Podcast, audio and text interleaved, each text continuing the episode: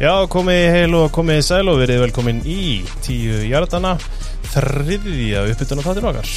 Alveg Gunnarsson, Þorkil Magnusson Maggi Standin Kongur. Ódýrasti landsmaðurinn. Heldur betur kostar ekkert. Aldrei vitan um að fá eitt tjóma greitt fyrir þetta. Mattias Timm á Egil stöðum Sástu hvað ég glemdi fullu nafnið að það? Ég bara, nei, ég, Maggi Standin, ég bara, ég fraus Já, ég dæmi það ekki sko. Ég kallaði Maggi og það má bara vera þannig sko. Magnús Óliver. Ég get ekki beðið eftir hvernig þú rugglar við hann Gamli maður. Já, Mjög spennandi. Við erum hérna í Nóa Sirius stúdíónu Mættir, klárir Til í allt. Ég skal taka þetta bara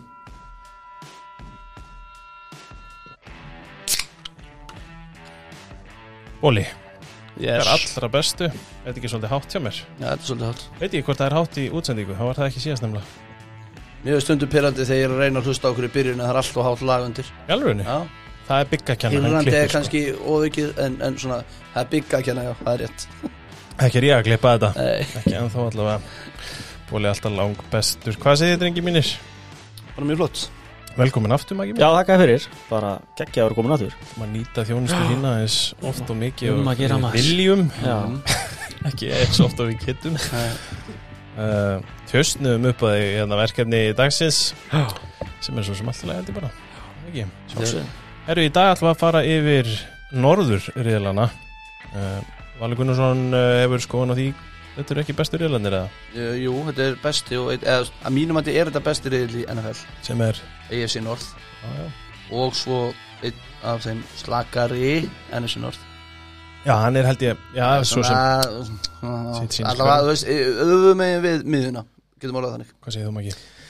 Já, ég held að það sé ekkert að fara framjá því að að Ravens, Bengals og, og Steelers þessi lið Já, svo Cleveland svo sem en séu, séu helvítið öflug Þannig að það var ekki það sem þú sagðir á nýtt og rekk. Já, ég, ég kaupi svo sem aldrei Cleveland en, en þeir eru alltaf Cleveland en Klífland er alltaf Klífland í Klífland Já, svolítið sko. En jú, vissulega drullu góður er ekki að neita því. Þú veist, að mínum að þetta eru þrýr riðlar sem komið til greina sem bestir og þeir eru allir AFC megin. Og það eru West, North og East. Mhm. en nei, ekki West, ég ætla ekki að taka það með. Segjum bara er og ekki, North og East. Og mér finnst bara pund fyrir pund North betri en við förum kannski betur í það Já, það er aldrei að vita Aldrei að vita. Hvað segir þú Matti mið? Þú far alltaf fæstu orðin Já, ég er eiginlega sammála. Mér finnst allavega, en- nei, AFC megin í North vera langmestu upside riðillin allavega. Það, það kemur ekkert óvart ef öll liðin væri over 500 þegar að þau týnt upp úr pókanum.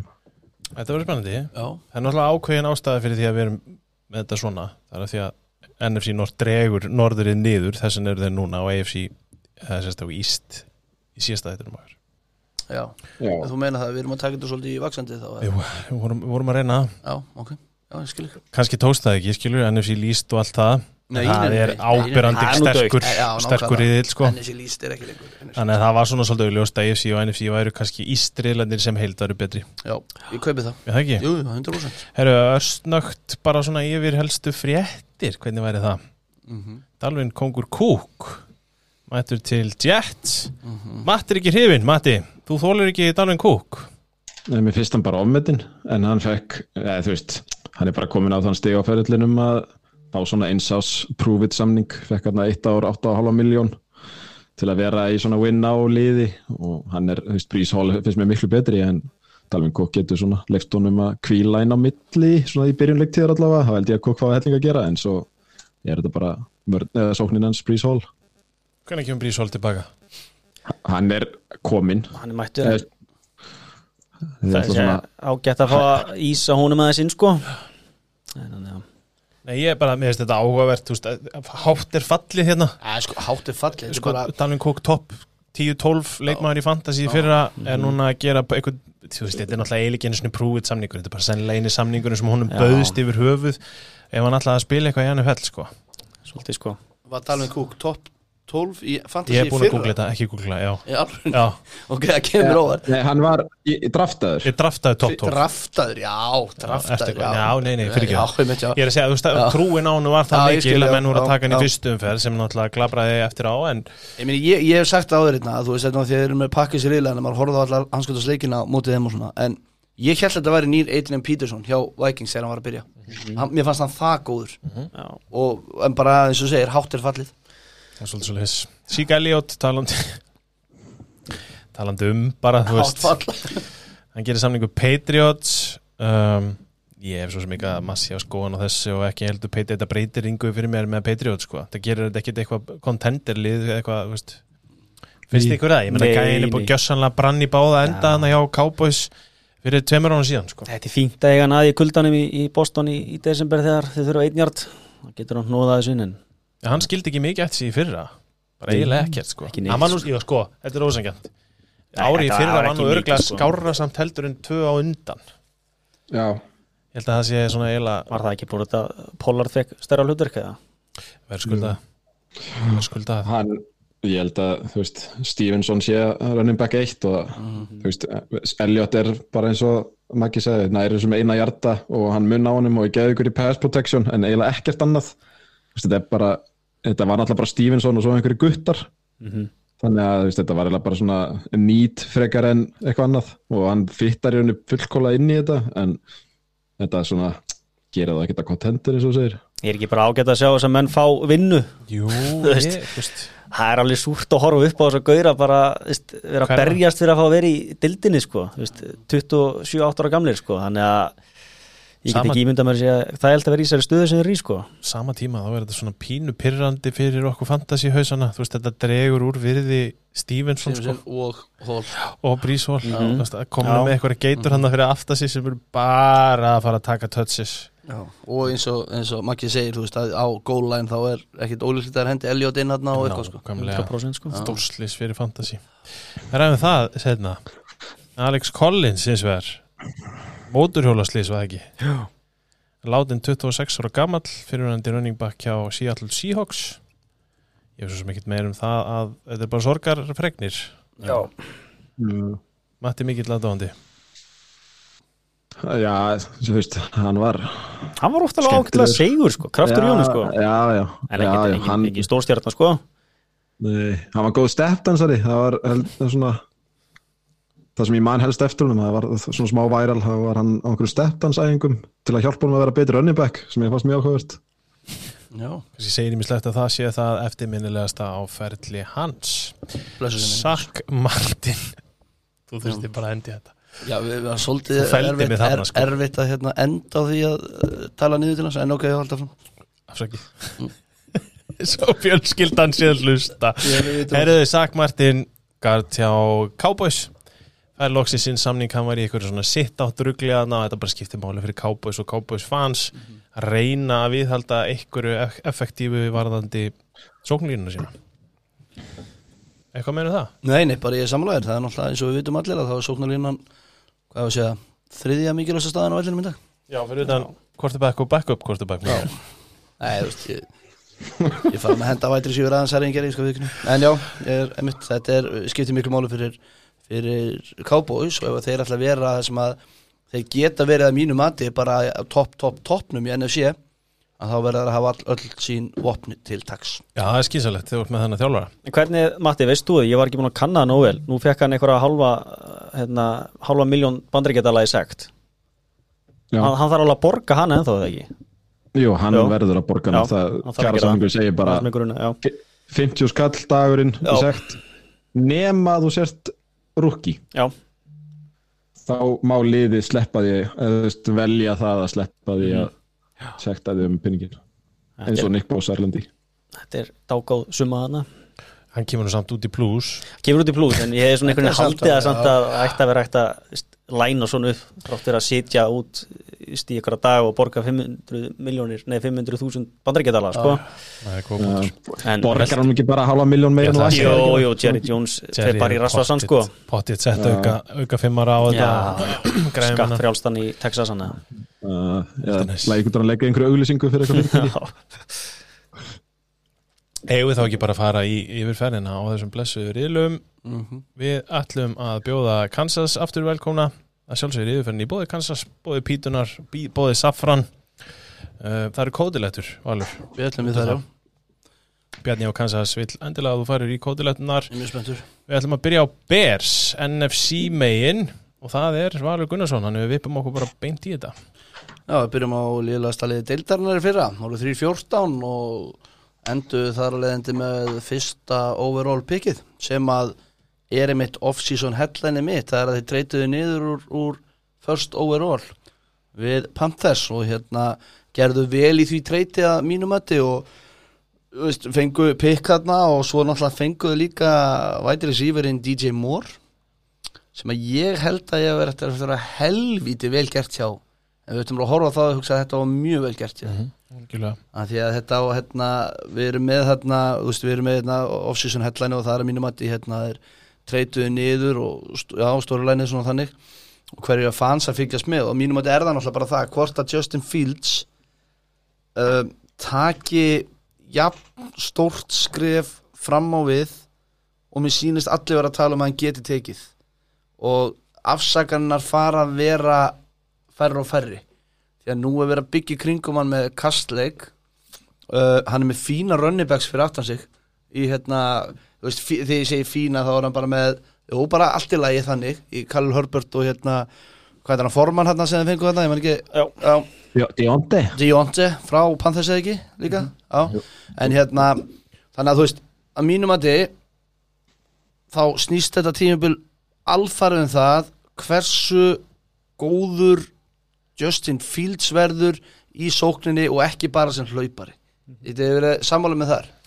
Já, það er bara skiptir öllum máli líka bara að sína að hann sé bara leikstjóndandi á hæsta leveli. Vegna þess að hann er búin að fá bara það er verið að byggja undir raskati á honum. Við tölum um hann í fyrra að það vantaði fleiri leikmenn að þinn, nú er búið að semja á helstu posta, fá inn leikmenn sem hefur getið eitthvað til þess treytaru fyrsta pikkininn í burtu. Og nú er þá kannski líka komið tímið til að hann síni tilbaka eitthvað að gagni sem hefur kannski helst til vanda þegar maður svona hefur verið að horfa á þetta lið?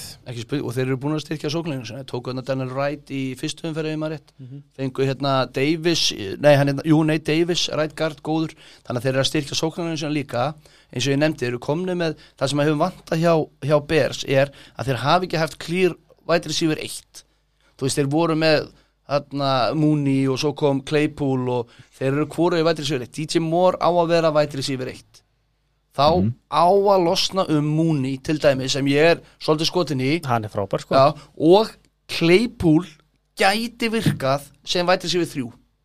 Ég er ekki með hann herrið það. Nei, nei. sem vætri sér við þrjú. Og þá ertu líka með Colke Matt sem er nýbúin að fá hvað, elitu runnibæksamning og hérna og þú veist, þannig að þetta, þetta áalega geta virkað. Það er með þess að eitt meistaraðni viðbót sko, Bobby Tonjan, já, Bobby, þú. Storvinur og er þarna líka. Lewis sko. Já, þeir Það er eru reynsla þar, sko. hann, er að, hann er að blokka. Já, en hérna, þeir en, fóru í sjélið pakka svo Já, en Bobby Tonjan er, er endzone threat, er endzone threat sko, Mhm. mikil, en hérna alveg sammála því, en sko, ég veit ekki hvort það sé bara tímalínja mína því að ég er svo ennis, mikill ennis í norðmaður eða hvað, en mér finnst bara allir og ömmuður að vera að tala um að Justin Fields verður mögulega MVP umræður sko. Það er aðeins íkjur, en þú veist mér finnst að vera stefnað þangað, verður þið bara við þetta já hann náttúrulega, það er svo ég mati takk það Já, ég bara sá að uh, flest bet um MVP sé á Fields.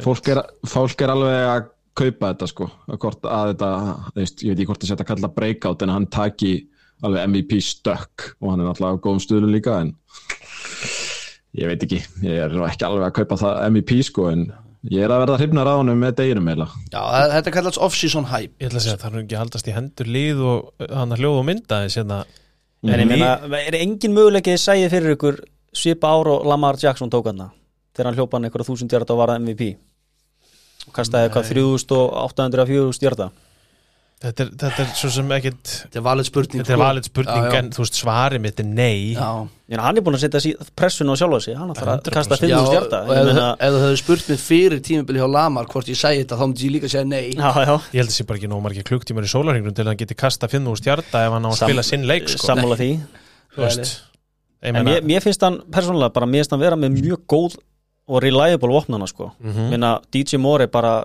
mjög prúfin leikmaður í sér dild, bara mjög underrated því hann er búin að vera í skýta liði Mooney er bara veist, leikmaður sem með, með betra separationi með allra Það útverja er dildinni rosalegt til samlega og, og Chase Claypool ef hann tekur hausin úr raskatinn á sér þá hefur hann alla burði til þess að vera drullu góður útherri sko. Sko Chase Claypool var á tímabili bara svona eina uppból sögulínunum Já. mínum í NFL byrjun á rúkjutímabili sinu, var það ekki þannig? Svo fjaraði bara, byrjaði fjara undan hann bara í lók þess tímabili samt, ég meina samt sko með við það sem hann var og það sem hann átt að vera var það eiginlega alveg gali, það var touchdown eftir touchdown ég man að hann var bara einhver heitasti waiver pick-up sem ég man Já, eftir já, en þú veist, að, að því að eins og ég segi, núna fylgist ég alveg ágætlega mikið með Bears, mér þykir alveg smá væntum þetta þó ég eigi þetta á, en ég man að svipu sög, að því að nú er að tala um að Claypool líti rosalega vel út á æfingum og hann verður þetta og þetta. Þú leikmaður sem þið losið sér við er Enkil Harry sem kom hérna frá Patriots Já, já. og ég las nákvæmlega Það- saman um hann og offsísunni fyrra en munurinn er að við höfum séð eitthvað frá öðru öðru sko. er það sant? Já. ég kleipul á allavega tímabil sko. en Claypool getur alveg haft uppsett bara eins og Mike Williams sko í Chargers þarna hittir um mig beint í hjarta sko. þannig að ég get ekki verið sammála en, en ég skil hvert þú ert að fara sko. Mike Williams er minn maður sko. Já, já, ég meina, þú veist, ég er ekki að segja hann verði það Nei, En hann hefur þessa burði þessa contestant bolta og ég ve veit ekki til þess og hérna leiriti mig yfir rámt fyrir mér að séu mikið stærri breytingar í vætri sífur eitt stöðu heldur en hjá Bears að minnstakosti og þú veist við getum talað um Claypool í allan dag en DJ Moore er maðurinn sem Ja, að breytir 100% þessu sko. liði Já, sko. Já, 100% þess að segja það, þess að ákanski eftir að opnast á múni eftir að fá ekki vætri, nei, cornerback eitt á sig. Og þú veist, og þannig að það er, eins og ég, þetta er bara, þetta er það sem að fólk á eftir að fylgjast með hjá Bears Samanlega en ég held, þú veist, bara málið er að það sem, við erum búin að tala um sóknina og sóknarinn er ágætt og þeir eru alveg með hlaupara fyrir aftan og vopnið þeirra, en bara vörnið þeirra stákar er ekki nógu góð. Þú veist, þú veist, það er, þeir, þeir sæna þarna, hvað er hann, Treymon Smith, er það ekki? Edmonds, Edmonds. Edmonds, eh, Treymon Edmonds. Og hérna, þeir sæna Treymon Edmonds og hérna veist, eftir að hafa losað sig við Rókan Smith í fyrra sem hann fór í, í, í, í Ravens þá taka þér inn linebacker, dýran linebacker í staðinn sko.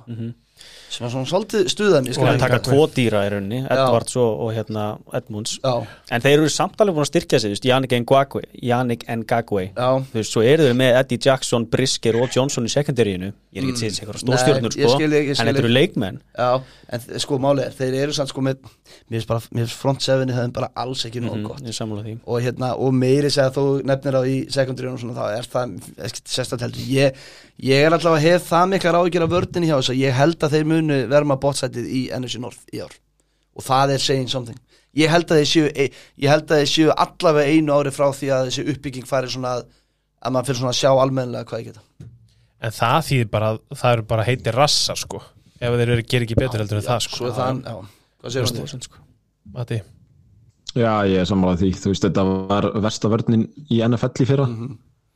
Og varnar þjálfari þetta, þú veist, já það, þetta er bara verður að fara að ganga eitthvað upp. Þú veist, þeir fengur náttúrulega ekkert þú veist, hit, verðist ekki hittna neitt undir þeim. Að hafa fengið first overall pick í fyrra.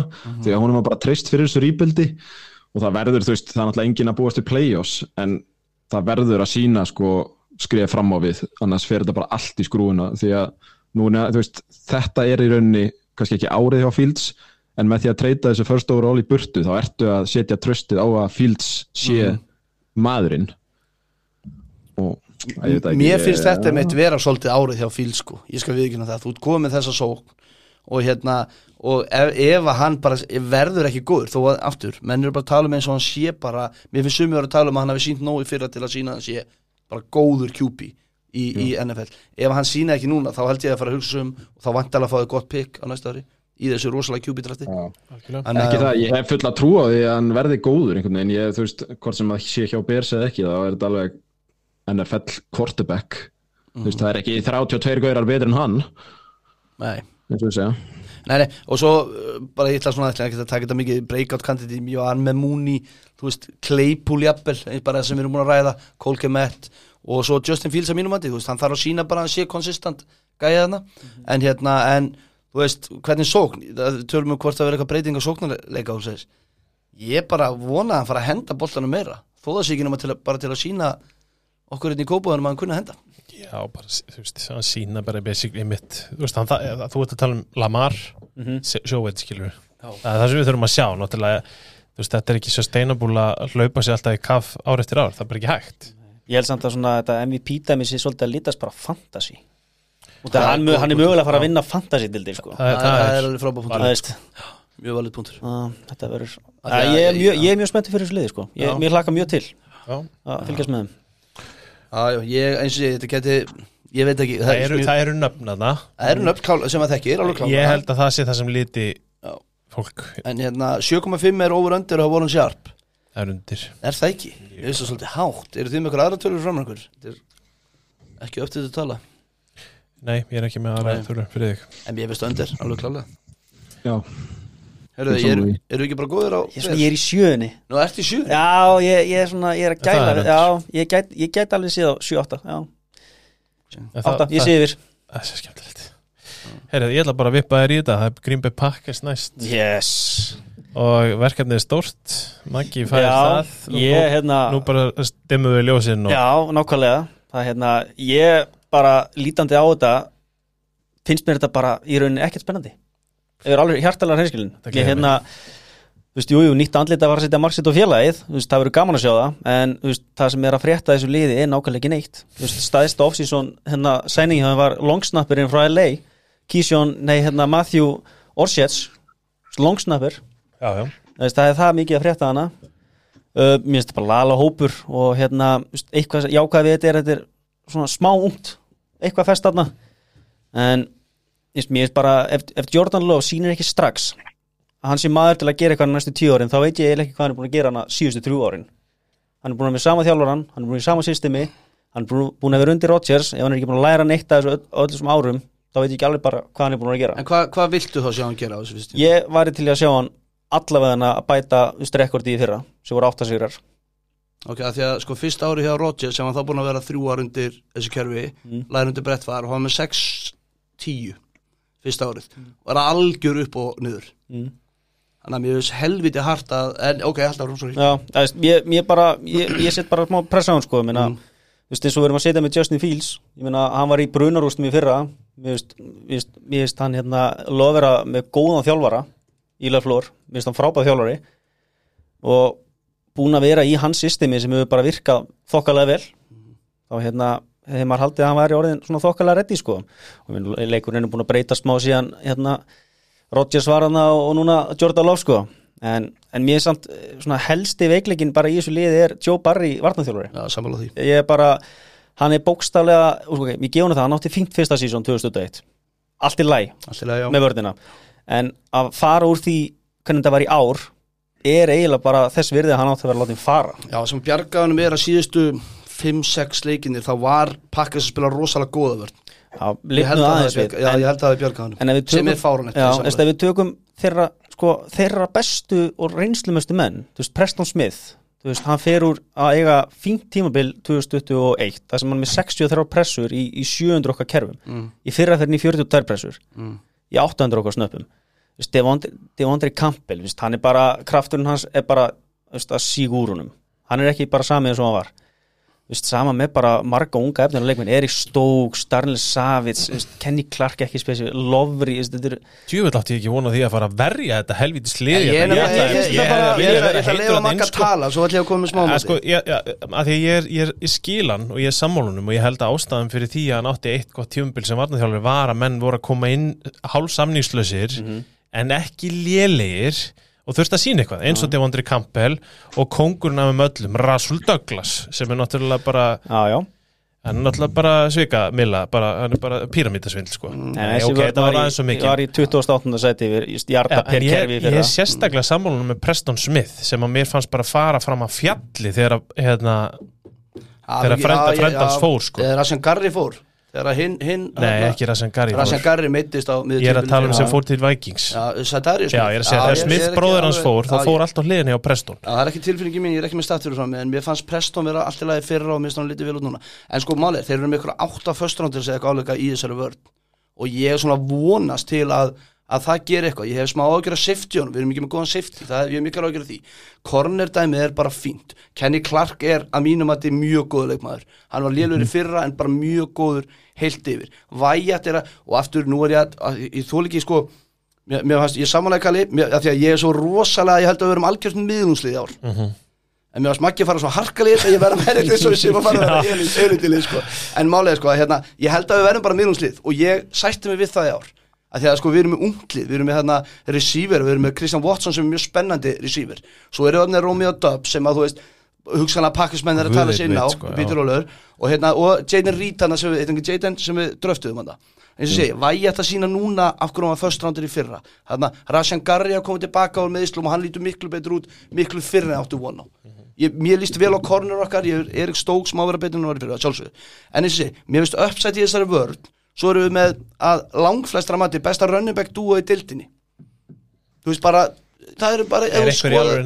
það er bara, ef þú, opnar NFL, opnið NFL Network ég lofi ykkur í að það mun ykkur um að tala um að, að, að Aaron Jones og, og AJ Dillon séu topp og þegar ég segi besta þá er að tala um topp 3, 4 þú veist þannig, við erum með mjög góða sóknarlínu ég ætla að segja með það, hægra megin ekki alveg nóg gott, en við erum með þarna Jenkins, bakt ég aðri fyrir bygga við erum með góða sóknarlínu, þannig að ég held ég held í alvörinni að við endum ekki í meira en segjum átta, ég held að við séum frá sjö til nýju sigurleikjum í ár og við gætum slefa henni í playoffs. En að því sögðu að þá er ég til að gefa Jordan Love þetta tímabil og hann þarf bara að sína með hann sé að hann, hann, geti kastaboltan og þá er það sattur Já, þetta, er- millivegur, þú veist, maður vil sjá framfæri, maður vil sjá þú veist, maður vil ekki sjá eitthvað disaster, það sem ég er að segja, þú veist, ef, ef Já, þetta er bara alveg út úr kú, mm -hmm. Það, ég er að tala um það, þú veist, það er Já, bara ég, ég, ekki sammála, bóðið, ég er sammálaði þar en þú veist, en við, við pakkast það bara að sjá heyrðu, ok, við erum með það með QB sem við treystum. Við getum orðað þannig, við, við sjáum uppsætt í honum. Þetta er tristunum klálega, og þá erum við bara með, ég held að Capspace okkar sé á leiðin upp og ef að Rodgers klára 65 þá erum við tvo föstarandur á næsta ári sem við getum treyta skilur við, þannig að þá sé ég alveg bjart sinni hjá Pakkas En og sko, með mjög unglið. þú nefndir þú nefndir sem er alveg valið punktur Aaron Rodgers satt í þrjú ár kominn, gat lítið bla bla bla. Deildin eins og. Maggi sagði eins og það er er allt annað dæmi, núna er bara krafum það herðu, Mariota er ekki nú góður eftir sex leiki, rúkiinn inn. Það er bara, þannig er viska deildin núna. Það er bara vinna og vinna og vinna Love er 24 ára, þetta er fjóruða tímabilans, fymta byrja ég er alveg sammála, þess, þetta er alveg valið þú veist, mér finnst hann ekki að geta komið inn og unni bara sex leiki þú veist, með þetta lið, sko hans skoðun og allt það, þú veist. Við, ég er, mér finnst þessi, mér finnst þessi vörð bara góð. Já, já, ég, ég veist, maður Já. fyrir mann eru bara, þú veist, ég, það er ekkit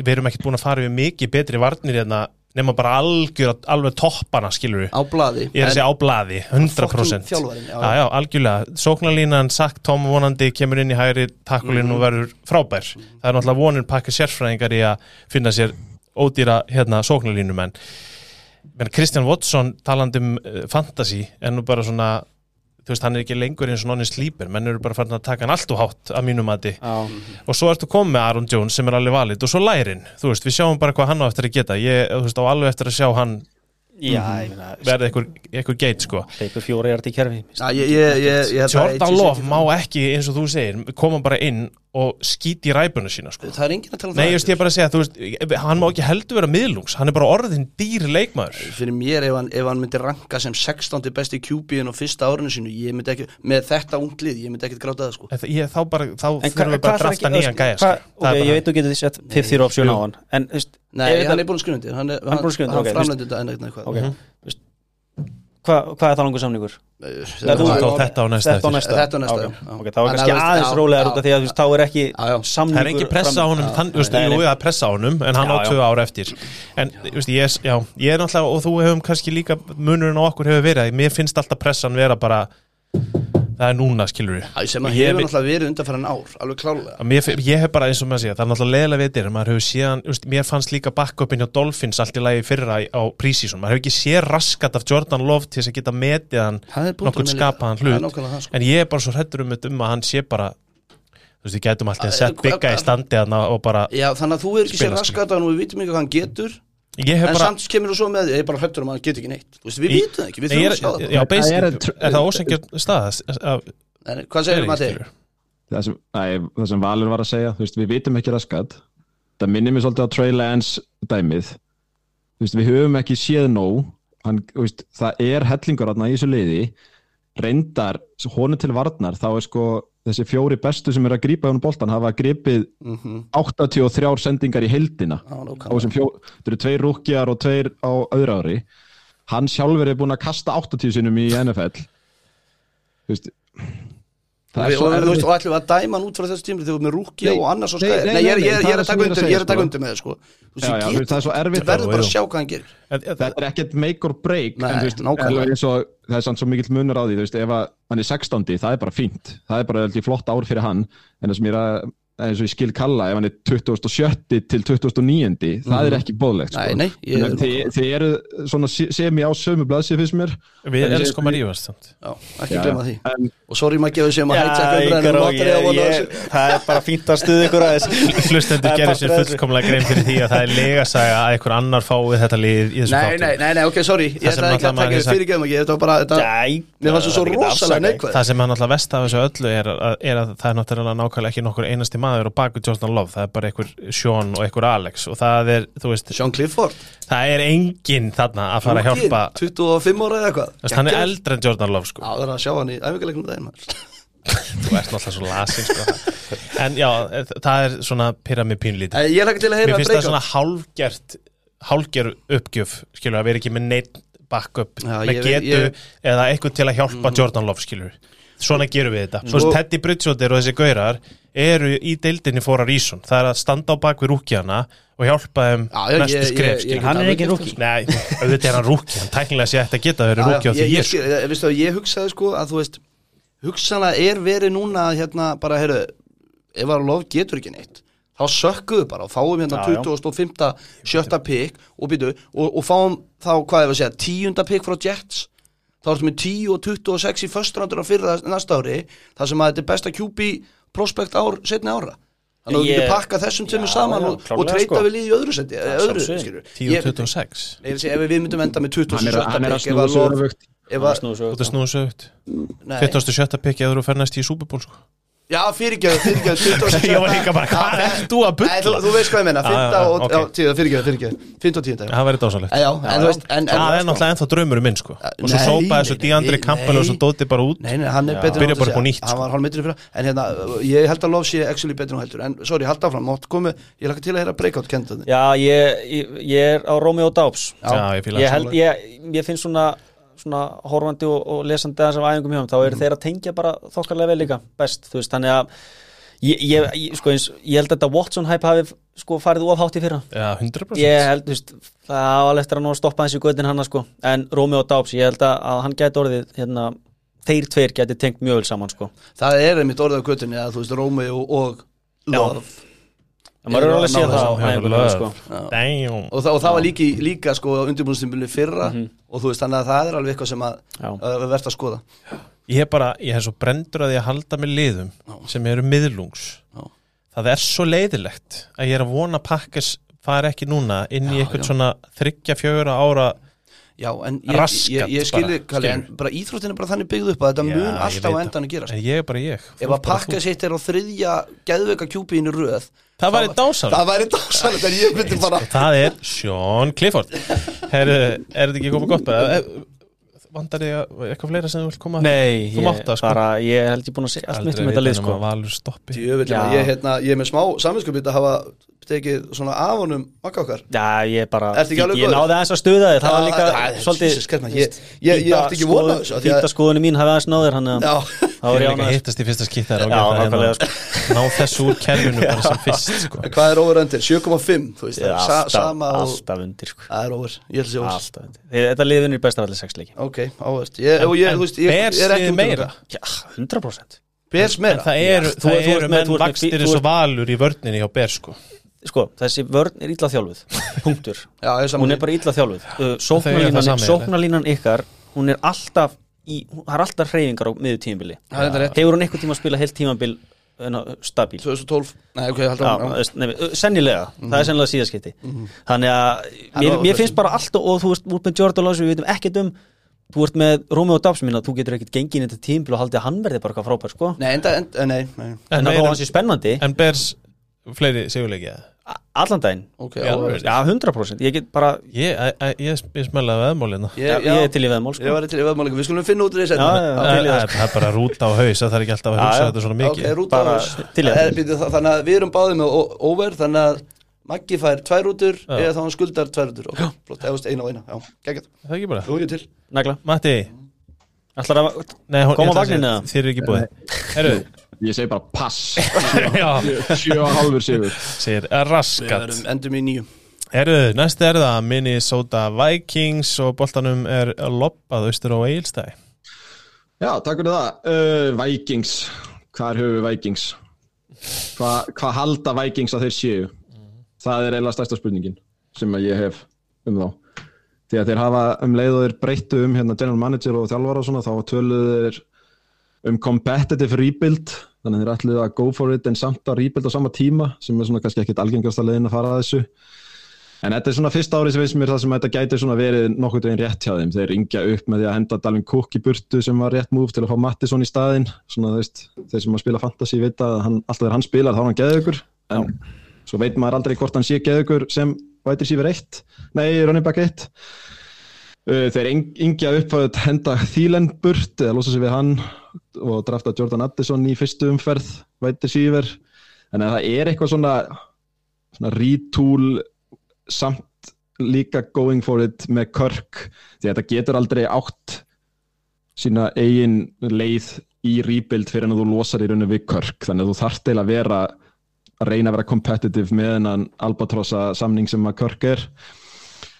Vist, ég veit ekkert við hverju á að búa staðum veist, þeir eru þeir virtust að fatta það sjálfur að þeir væru fróts í fyrra með 13-3 þannig að þeir eru þú veist pínu að spila eins og lið sem er ekki 13-3 þú veist, flest lið hefur bara farið all in í eitthvað svona rísa samninga eða rísa treyti eða eitthvað.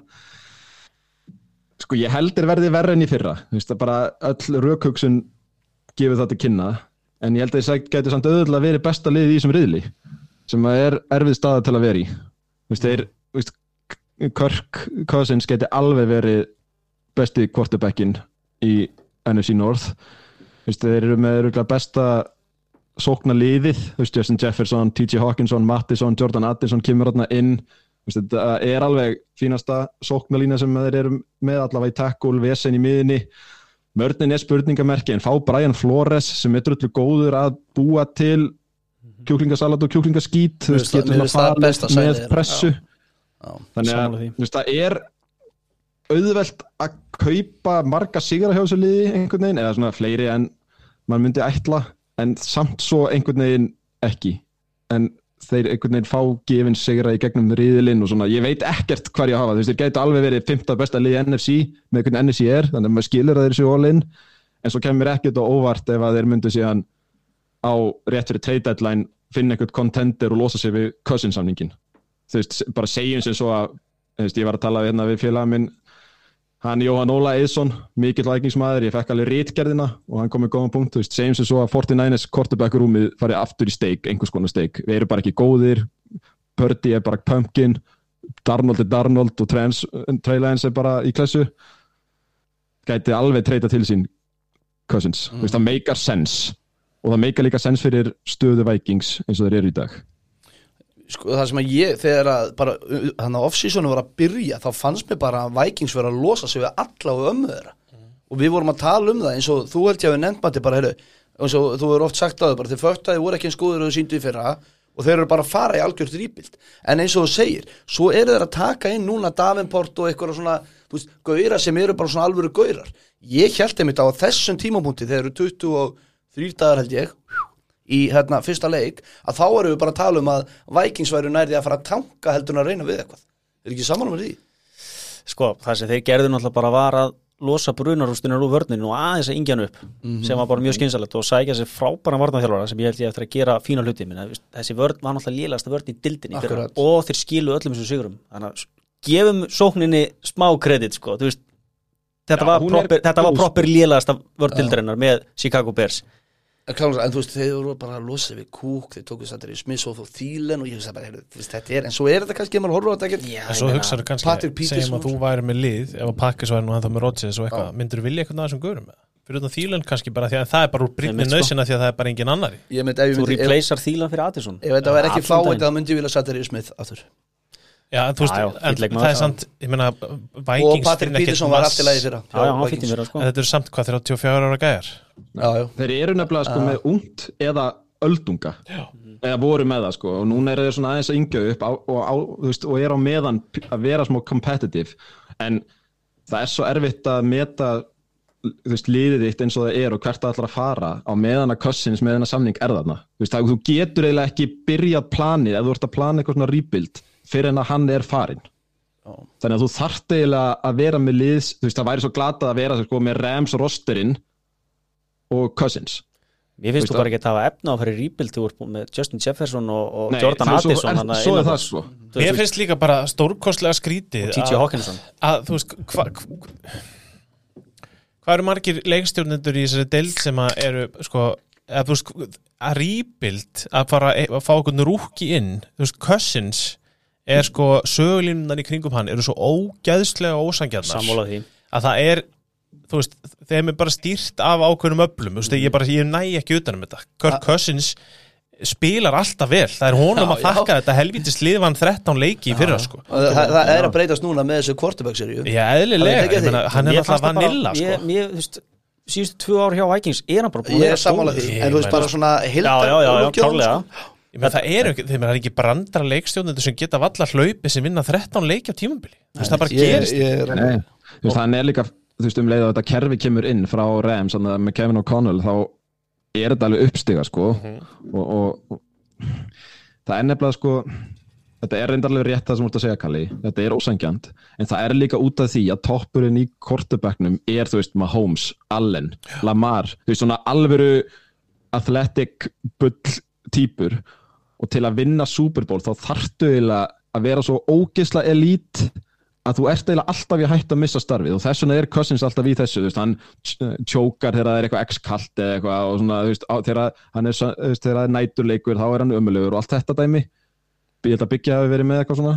Hann og Karri eru eitthvað svona svipar í þessum geira sko, þannig að hann er alltaf sko, veist, undir það, undir hérna hvað segir maður, wow Undir allavega, scrutiny. Nál, já, allavega, en sko nálarauga.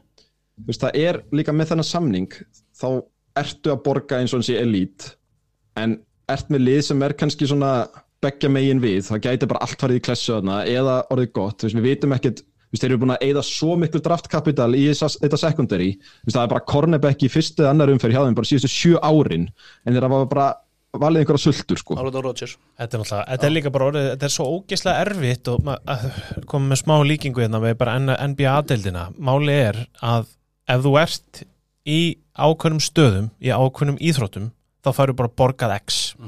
Skiptir engu fokking máli hvort þú ert bestur, næst bestur eða tíundi bestur. Ef þú ert decent og getur stýrt sók til X margra sigra, þá færðu bara 40 okkar miljónir dólar á ári, skiljur. Það er bara eins og í NBA, þú fær bara max samning, sama hvort þú ert fyrstur eða tíundi og þetta er bara það sem við erum að sjá þó að slái til 1, 2, 3 miljónum á ári en þú verður bara svona viðbjörslega dýr og þetta er ekkert að fara að breytast eða lagast. Ef Jordan Love hérna, springur aðeins út á næsta og þriðatímbilinu þá fær hann bara eitthvað ógæðslegan samning eftir þrjú. það er bara þannig. Og þetta er bara, þetta er bara óbúslega erfitt og þetta, þess vegna sem ég segja, þú ætlar í rebuild þá bara þarftu fyrsta pikkið og þú þarft generational talent í draftinu annars ertu skrút. Já, já. þú getur ekki tekið kláni bara skilur nei. þannig það að er alveg rétt. Og þá, en með þetta lið svo við bara klárum þetta, ég held að þetta verið ógæslega skemmtileg sókn, Vist, bara lið með Jefferson sem veitir sér eitt verður bara skemmtilegt, það er mjög erfitt að það sé leðilegt það, og Addison finnst mér líka mjög skemmtilegu rúki, Hawkinson kom fáránlega vel inn í þetta, þú veist, hann bara var treytaður til þeirra frá Lions og bara hvað var það fyrsta annar leiknum eða bara 15 grip. Bara eins og ekkert var í sálsæri hann, átti bara sinn besta leik á ferlinum sem sinn fyrsti leikur hjá Vikings eftir að verið svona mí, allt í lagi yfir meðalagi hjá Lions. Svo bara, veist, það er fullt af skemmtilegum leikmennum þarna og þessi riðill er alveg wide open fyrir það til að vinna og komast í play-offs. Þannig að það er ekkert gefins að þeir hendi út Cousins sko, en það er svona það er pínu hausverkur hvað þú ætlar að gera með þetta lið. Þar, þú veist, ætlar að halda Cousins, ég þetta gæti alveg verið síðasta árið hans því þú heldur þú þurfa að gefa hann aftur samning ef, ef hann ætlar að vera hjá þér áfram eftir þetta tímubil Sann svona með hvað þetta er skynsami maður. Segjum að gangi bara vel. Heldur að ég get alveg trú að hann var til að koma móts við félagið ef þið myndu vilja halda honum. Það, einhverju ég, ég skilði, maður segir þetta oft og, og það er rétt kannski gauður sem myndi gera það Þeir já, þessi gæjar já, þessi gæjar það er nú ekki fiskir sem hann er það en hérna, þessi gæjar, þú veist, þetta er svo auðvelt fyrir okkur að sitja Já, hérna í stúdíu í kópúðunum og segja þetta En þú veist, já, en eins og þú segir, hann virkar þannig Já. að það kemur, það margt meira óvart ef hann myndi gera það. Mhm. Mér er svo hryllilega að fyndi ef þið skoðið hérna offensive line rankings þá er þetta bara fimm góðar og svo fer þetta bara fram af bjargbrú. Já, ok. Þetta er bara Eagles, Lions, Ravens, Chiefs sem er 88 og upp úr svo kemur bara Packers í sjötta seti 81, Broncos sjöunda 75. Já. Þetta fer bara gjössanlega fram á bjargi og þess að ég var að velta fyrir mér sko, Broncos sjönda Broncos í sjöunda, Þeir gátt ekki haldið sko second and third string á Cardinals í Við síðasta vorum leik, eitthvað að skoða, þeir hafa eitthvað bætt aðeins við sig. sko. Þeir eru Það sko. voru með fyrst, í síðasta leikaða. Þeir spiluðu fram að hálfleik. Wilson Ég spilaði fram að hálfleik. Þegar hann getur Jerry Judy skoraði touchdown þegar voru fjóra mjútur eftir að fyrrháleik Þá fengu þeir frí. og þeir heldu, ég er ekki nýðast Wilson, þetta, var- þetta voru mesta bruna rústir sem voru að blokkana fyrir hann. Þetta var Ég disaster. Þetta var, var þetta alveg aðal sóknarlínu? Þetta var disaster, já. Sóknarlínan var viðbjóður Ég, ég hef mitt horfað á Það var að ringi sjálf bara núna Ég maður. elska ég þetta maður. Já, þetta er líka sko. En það segir þá bara ímislegt, Broncos. það segir bara sjöunda besta er ennþá verri en hún Já, það meika er Sóknarlínu og Vikings er alveg solid. Darcy og Brian og Neil Feet, þú veist, Bradbury er, Gardan er ekkert spes. En hversu, hérna, það sem ég ætlaði að segja svona lókum, hversu hugulegt er það að vera 30. annar liðið með tvo í einhvern Það eru fimm sóknarlínum menn sko. Hver á ekki einu sinni einn á mann? Tætans Já, Það er Ah, alveg hryllilegt. Já, Matti, erstu góður?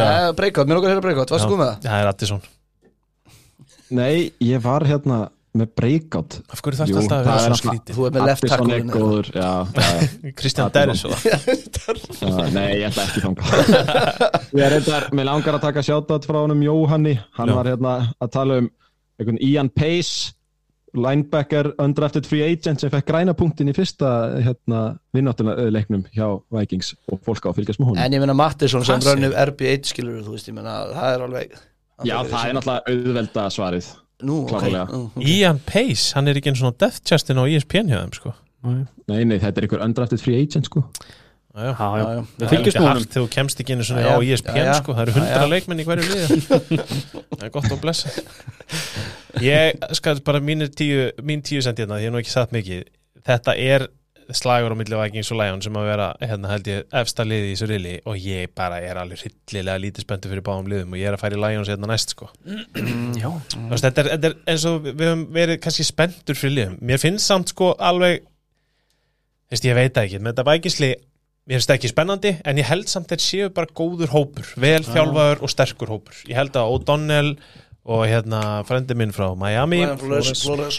verði, það er bara það fagmannlegir og góðir þjálfarar. Þeir muni negla þetta sko. Mm, svo eru líka smákongar eins og Jalen Ríkur og Enkil Harry þarna. shit það er ljóta sorga saman fyrir þína menn Já, þar. Já, ég ætla nú ekki að fara að eðilegja kvöldið sko. Ég draftaði hann held ég tvö ári í röð Já, það kannski segir mér um þig Sorgar samt Ekki fara að tala um mig í fantasy. Matti fyrir að gráta. Ég er búin að vinna fjögur að síðustu fimm. Já, já, já, ok, ok. Það var þetta verið stemningsspil Hvað voru 47 minn tókn á lendið það, flott, ok. Það er það árlegt Herru þá förum við bara í Lions Mína menn í Lions, hitt og heldur.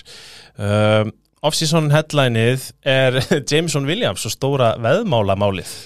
Já, svo gett uh, Jameson Williams, Quintus Cephus, CJ Moore og Stanley Berryhill svona allir settir í bann. Og bara einn eftir hjá Lions og það er Williams sem að fekk ekki sex leiki eða eitthvað svoleiðis. Jó, sem er náttúrulega alveg gjössalega fráleitt bara yfir höfuð. Sá kongur sem við erum búin að býða eftir kemur inn seint í fyrra og verður agleis í ball aft, bann aftur þannig að það færlegt hann er að virka mig greið Attitútið hans og þetta ég, Williams, hérna, Já, já, já. Hann, það er eitthvað hann að við hann. Það er eitthvað svona Michael Thomas feelingur yfir honum síðust ár. Ekki bara verra mér þess að Jafnvel vera Eða bara, það er svona djam og randlikt á honum sko. Já, þetta er- Já, ég held að hann vilji bara vera eitthvað sem hann er ekki.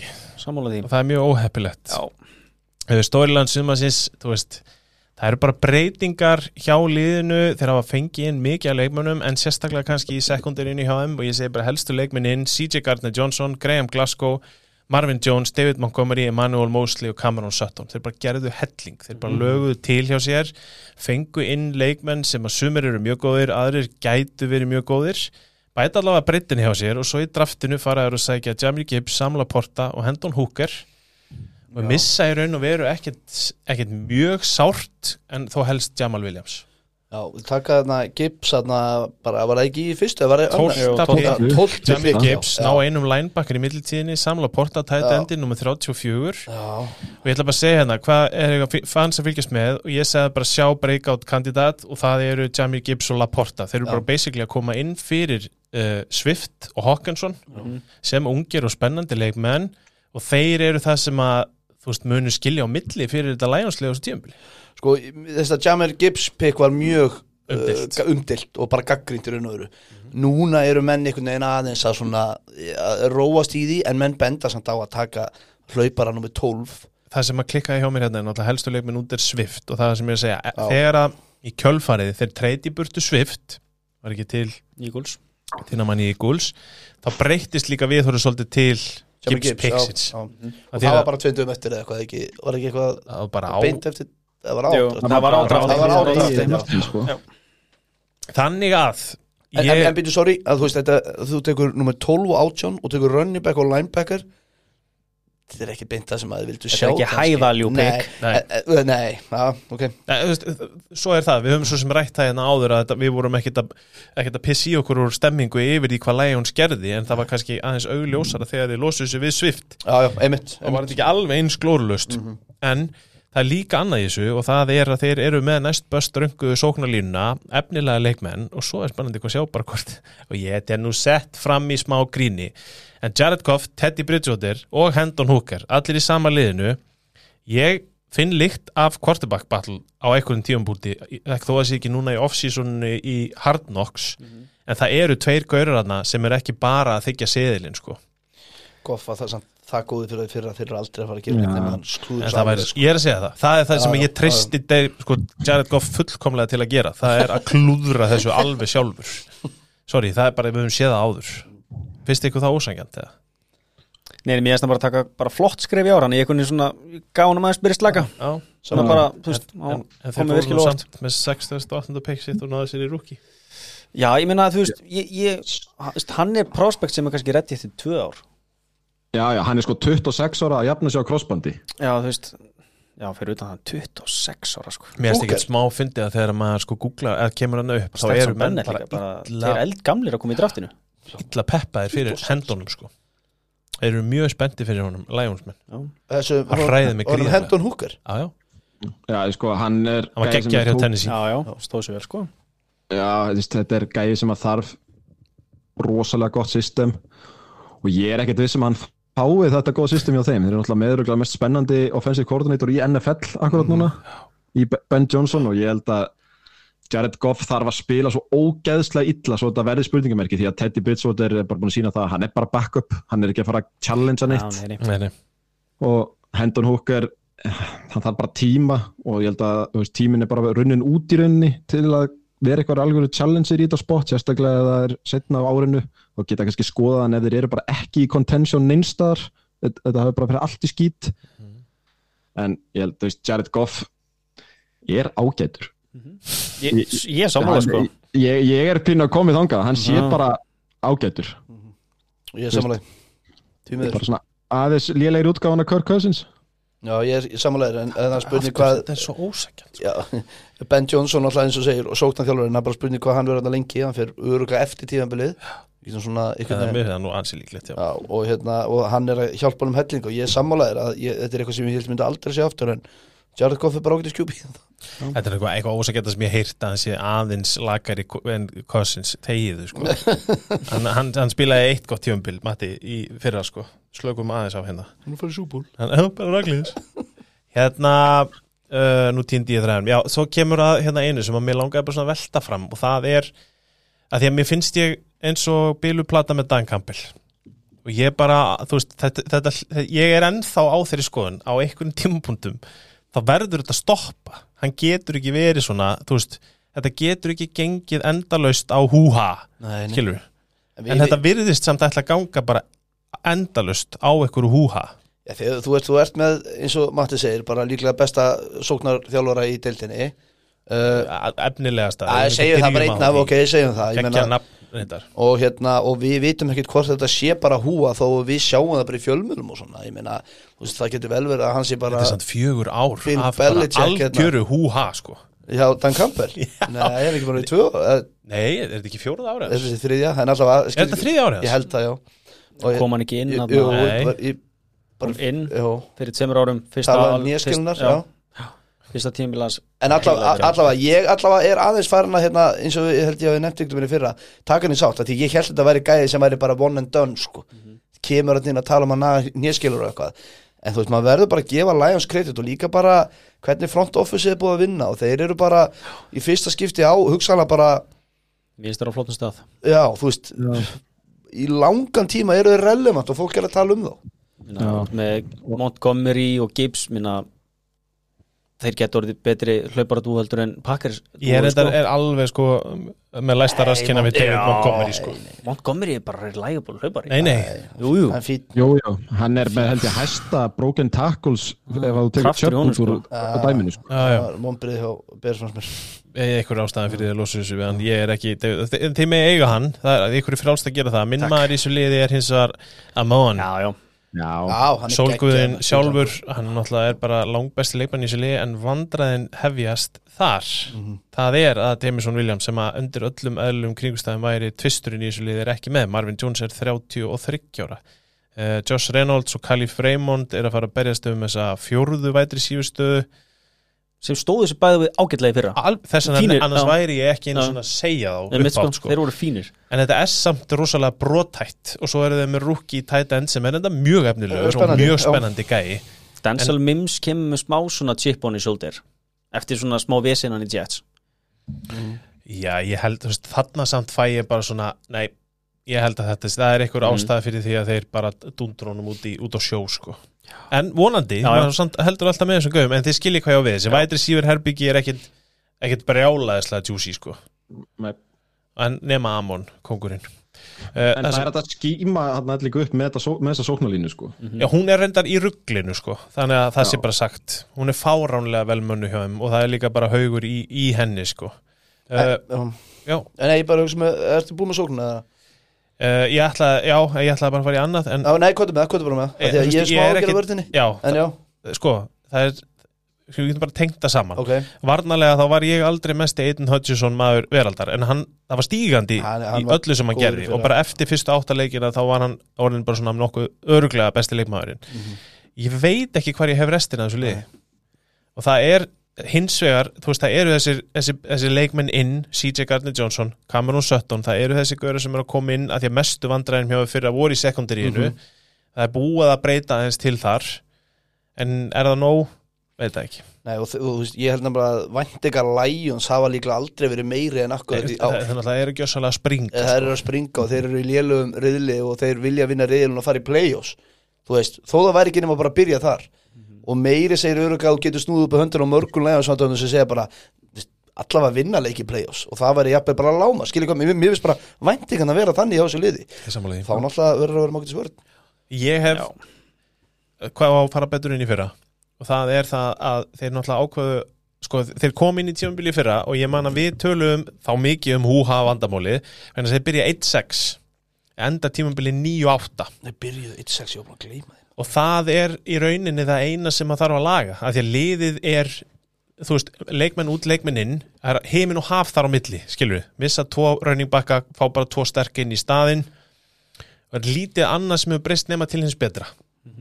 Þannig að ef þið geta bara komið inn í þetta tímabil á samanlegu rönni unni svolítið að leikjum þá gæti þetta hú dæmi bara alveg gengið upp og eins og þú segir þeir fara inn í play-offs. Máli er að þakið á þessu liði er valla sigurleikur í play-offs. Ég skil, ég skil ekki, ég skil ekki það er svona mín helsta skoðun og segir eiginlega allt sem segja þar líka um NFC North í ár. Overöndir er nýja hálfur. Já, ég skil hvað það meinar en þú veist, NFC er ekki það stert Nei, og algjörlega. Lions á heimavelli í play-offs þú veist, ef þið myndi vinna riðilinn ég get alveg trúið en ég er að segja að þakið er það Já, já, já, þeir ég aldrei, eru já. aldrei á leiðinni Já. Í þessi stærstu lið Frisco, Eagles Nei, mikið sterkari lið, nei, nei, nei. skilur við Já, já.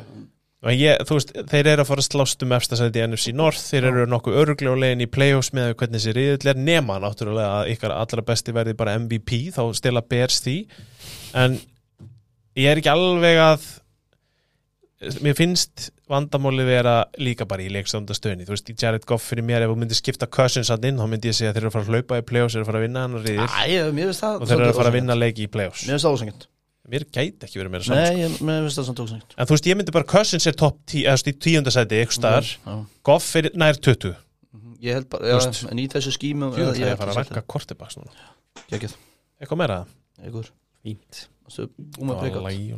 að að já, ég sagði að það væru hérna, sviftingar Ok, ég sagði uh, Jamir Gibbs og Laporta Ok. sem er að koma inn fyrir Swift og Klikkað. Klikkað. AFC, Steelers. Maggi, AFC North. Steelers. Já. Sama svona tvö skrítin lið hvað var að stjórnundur sem var farið hérna. Þú veist Kenny Pickett leiðin í á, annað árið sitt núna og í rauninni bara verið mjög frólt að sjá hvernig það fer hjá hann sko. Þú veist hann alltaf gæti ekki verið með betri þjálfari í höndunum myndur þú skipta á sléttu? Jordan Love, Kenny Pickett. Ekki bara þú veist, þú eru að svara þessu maður fyrir mann. Mér er alveg sama hvort liðið þú ert með máttu velja. Steelers. Já, nei, jú, ég tæki Þetta er- Kenny er Pickett rosalega Ég góð tæki- Tækirðu Pickett? Ég tæki Pickett, já, ég tæki hann. Ég hef nefnilega ekki hugmynd. Nei, ég bara, Nei, ég er þetta sammála. sko. en Matti? Sorry, ég var að fá. Já, Pickett. Pickett, ok. Þú veist, hann bara eins og segja, hann fekk frípassan í fyrra gerði allt í lægi, 7-5 rekord þú veist, 2400 hjartan 7 touchdown, 9 interception, ég held, veist, lærið hellinga þessu. Uh, svo er bara stílers alltaf stílers ég, þeir með Mike Tomlin, veist, þetta verður bara lið sem verður 9 og 8 eins og þeir voru í fyrra veist, ekkert meir en það verða, verða, verða erfiðir að eiga við og en, en stóra spurningin er bara hérna Kenny Pickett, ég meina te tekur hann stökki núna eða ekki? þetta er bara, það eru nokkuð lið sem eru mjög ábyrjandi að við reynum að, að auðvitað tala í kringum hlutin eins og þeir eru. Mhm. en á meðan við erum að fjalla um NFL þá er einn stað sem skiptur öllum máli. Og ég er alveg sammálaðið þarna. Og það er náttúrulega hlægilegt að horfa síðan fyrir aftanna og sjá Mitch Trubisky en þá Mason Rudolph sem Mhm. 2 og 3, það er náttúrulega galið. En maður svona einmitt hugsa svolítið til þess og maður tekur maður tekur þetta lið, ok, ég ætla að taka Kenny Pickett hérna, sem er alltaf kallað small hands í þessu podcasti en það er annað og maður horfir, ok, Pickens, hvað ætlar hann að gera? Er Allen Robinson sprungin bladra, er eitthvað eftir þar? Og er hérna frægamáð vinnur okkar. Ég er, að- nei, ég er, aðla, sko, ég er ekki einu svona að taka Deontay Johnson inn í, mér Já. finnst hann bara geggjaður. En ég er að horfa svona á þessa leikminn sem ég finnst aðeins þurfa að sína mér. Og Já, það já, er já. Harris, Pickens, það er Robinson. Pat Frægamáð ósangjant en þú veist samt. Fræma þeir bara góður hann er góður góður tight end, tight end en, en, en þið skiljið mig, Ég- ég er Johnson er bara Já, geggjaður ég er með Robinson svona svipuðum stað sko, hvað, hvernig ég hugsa um tímblið og Claypool. Það er að segja, þegar hann er hann þrýr og er með eitthvað í kringu sig, gæti hann alveg gert eitthvað Hann- en, en veist, ég veit bara ekki hann hvað er bara gaur sem mun nýtast vel veist, í kontestant löngum boltum og svona boltum hann er ekkert eins og, veist, hann átti bara að taka ykkur kepla af Cooper Cup sem veist, er besti ráturönnur í veist, hann- er ekkert hann leikmaður. Þú veist, hann ertum á með connectioni á Pickens og, og, og Pickens og hérna Pickett Mhm. í sumar, það hefur verið mjög gott. Veist, svo ertu með Deontay Johnson sem er bara mjög relevant. Alan Robinson, þú veist, spurningamarki Pat Fræðimúð svo ertu með tveggja metra mann Darnell Washington sem ætti að geta hjálpað bæði í hlaupaleiknum og, og og inn á reddsónu sem, sem ég finnst persónulega mjög spennandi að sjá bara hvernig þeir sko díla við hann og hvernig þeir munu nota hann sko. Tveggja metra stykki sko. Ég er bara ándjóks mega peppaður fyrir því að þeir, þeir hendist þarna inn með small hands -hmm. og hvern, whatever the fuck í running back svo kom bara Deontay Johnson, George Pickens sem er Já. náttúrulega er geggjaður er í blokkum og öðru. Og svo ertu bara með Fryermouth og Washington sikkur meginu sóknlínuna þetta verð, eða bara saman Já. hægra meginu sóknlínuna þetta Þeir eiga verður alveg áhugavert sko. þeir eiga verða ógæslega erfiðir að eiga við er er bara, bara þú veist hver einast þú veist, þeir voru 12 af 17 leikjum í fyrra voru one score game ég, ég gæti alveg þú veist þetta er bara ég held að allir leikinu verði bara naglbítur sko. þetta verður bara brútal dæmi sko. Já, pælið því, við erum að nefna öll þessu nöfn og við erum að tala um Pickett sem gæti, þetta snýst nátt um sagði. en við erum að reyna líka aðeins að horfa út fyrir það. En en þetta er lélegasta liðið reynum sem við erum að tala um sko. En halda, halda áfram sko. Skiljum hvað að vera Þetta er bara Já, já, við tölum það kannski, það betur það eftir er þú þín veist- skoðun og við rétt á. Nei, Já, við skiljum já. hvað að já. þetta, er, þetta er mögulega fjórða besta lið í, í AFC North og við erum að nefna þessi nöfn og þetta uppsett sem þetta lið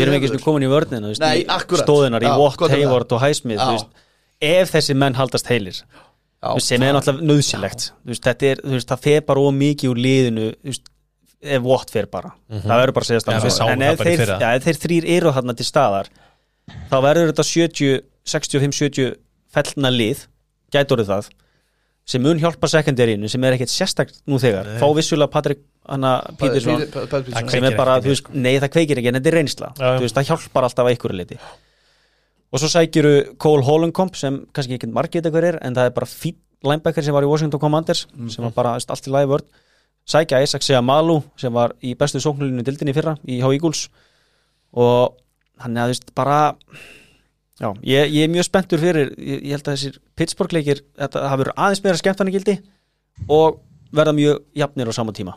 Maður, maður svona horfður svolítið á deildina og maður hugsa með sér, eru bara 30 góðu sóknarlínumenn í heiminum Já. og restin þarf bara að sætta sig við bara eitthvað.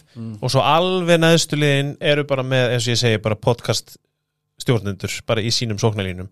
Vegna þess að þetta er alveg merkilegt hvað það eru fálið með sterkar heildir í, í sóknarlínum sínum. Þetta er svakalegt sko. Þetta er sko, það er búið að tala um þetta í nokkur ár núna, við séum á leiðinni þangað.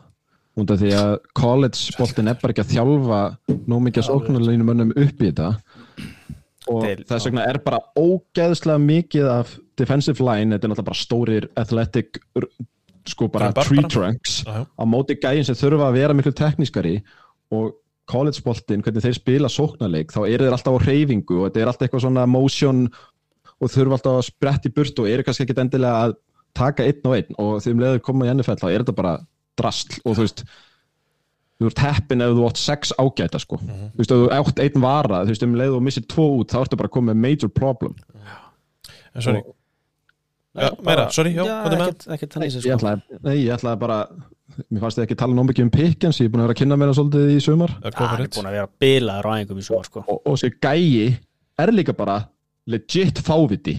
Hann er og ég, þú veist, hann er sko hann var að tala um það, hann var running back þegar hann var yngri og svo þegar hann hætti að vera running back og var vætri síver þegar hann þróaðist, þá var hann svo aðteglisjúkur hann var ekki að meika það að aðteglin væri ekki á honum því hann var ekki lengur running back og alltaf með boltan þannig að hann fór að æfa sig að vera blokker svo að fólk gæti nú séðan þegar hann væri ekki með boltan líka sko. Og þú veist, þetta er galið og ef hann næri einhverju svona stöðuleika, þetta er alltaf bara highlight catches, hann er ekkert sérlega góður rátrönnir eða eftir því catch eða þannig, en um leið og hann næri einhverjum stöðuleika þar og bætir því ofan á þessi highlight þú veist, hann er bara sko top 10 vætri síðurtalent í sér sko, bara í NFL sko og það, en ég bara, þú veist, þessi gæi er eitthvað rugglaður og I love it. Love it. Ég hef svo sem ekkert meira við þetta að bæta. Þannig séð, bara hérna Er Calvin Austin bróðir kóngsins? Það er hún, Já, ekki hugmynd. En segðu mér eitt, þarna, því að nú, nú er ég ekki búin að vera í fantasy undanverð Najee Harris, vonbreiði. er það ekki? Ég, þú veist, mér finnst einhvern veginn svona hans stjarnar hafa einhvern veginn aðeins stofnað. Hann alltaf, kosturinn við að vera með hann í fantasy er að hann fær náttúrulega bölk af touchum sko, Já, þannig að en svo er þeir bara með, finnst mér mjög spennandi Jalen Warren fyrir aftan hann sko. Og hann er effektífur þegar hann fær að spila sko. Þannig Það að mjög, er þeir eru pyrrandi báðir hann og Antoni McFarland, maður svona horfir á báða og bara eitthvað svona, mér langar ekki í Najee Harris sko. ok. Nei, þú, ég held að allir sem dröftu Najee Harris yfir að voru svona oh, þess, þetta var svona, djúvill getur þetta að fara í þetta hann, hann var líka meittur til að byrja með maður sá það bara veist, hann, hann gat valla sko hlaupið fram með sínum eigin kortebekk hvað þá Einmitt. varnamanni sem var að eldan sko. En hann var líka í svona hérna, throwback í svona Le'Veon Bell hjá Jets vandræðum þú veist, þeir bara gátu ekki haldi gati opnu fyrir þá til það- að bjarga lífi sínu sko. hann bara hljóp bara beint á baki á, framan, eh, hérna á baki á næsta sóknulínum hann, sko. það bara gerist ekki neitt Nei. Herru, það er Browns. Og það er Mattias Browns, já. Sko kæmið það ykkur á óvart ef við myndum sjá Chiefs Browns í AFC Championship game? Bara ef að öll tungl raðast rétt værið þið hissa? Já, sko, Ég myndi ekkert missa höguna Ég, skil hvað það átt að koma En ég væri hissa já. Ég myndi standa á framtönunum á mér. Ok, Hakan væri ég, ég, ég væri ég, Sko, nei, býtum við, já. Ok, Matti halda fram, ég skil alveg hvað Matti er að koma. En aftur á móti, eru þið hissa að þið væri top 3 pick í draftinu næsta ári nei, sko, ég er hissa á því á en ég, það allt þetta er liðið sem ég held að sé liðlegast í þessi norð Já, já, ég, ég kaupa það En ef þú sko Það rostur lið hefur svo ógeðslega mikið af hlutu sem gætu gæst fyrir það. Þetta gæti verið bara topp 5 lið í NFL. Þeir eru með bara, þeir eru góðir í öllum stöðum. Þeir eru með nöfn á öllu stöðum sem eiga að vera góðir. Á blaði er þetta bara topp, topp lið.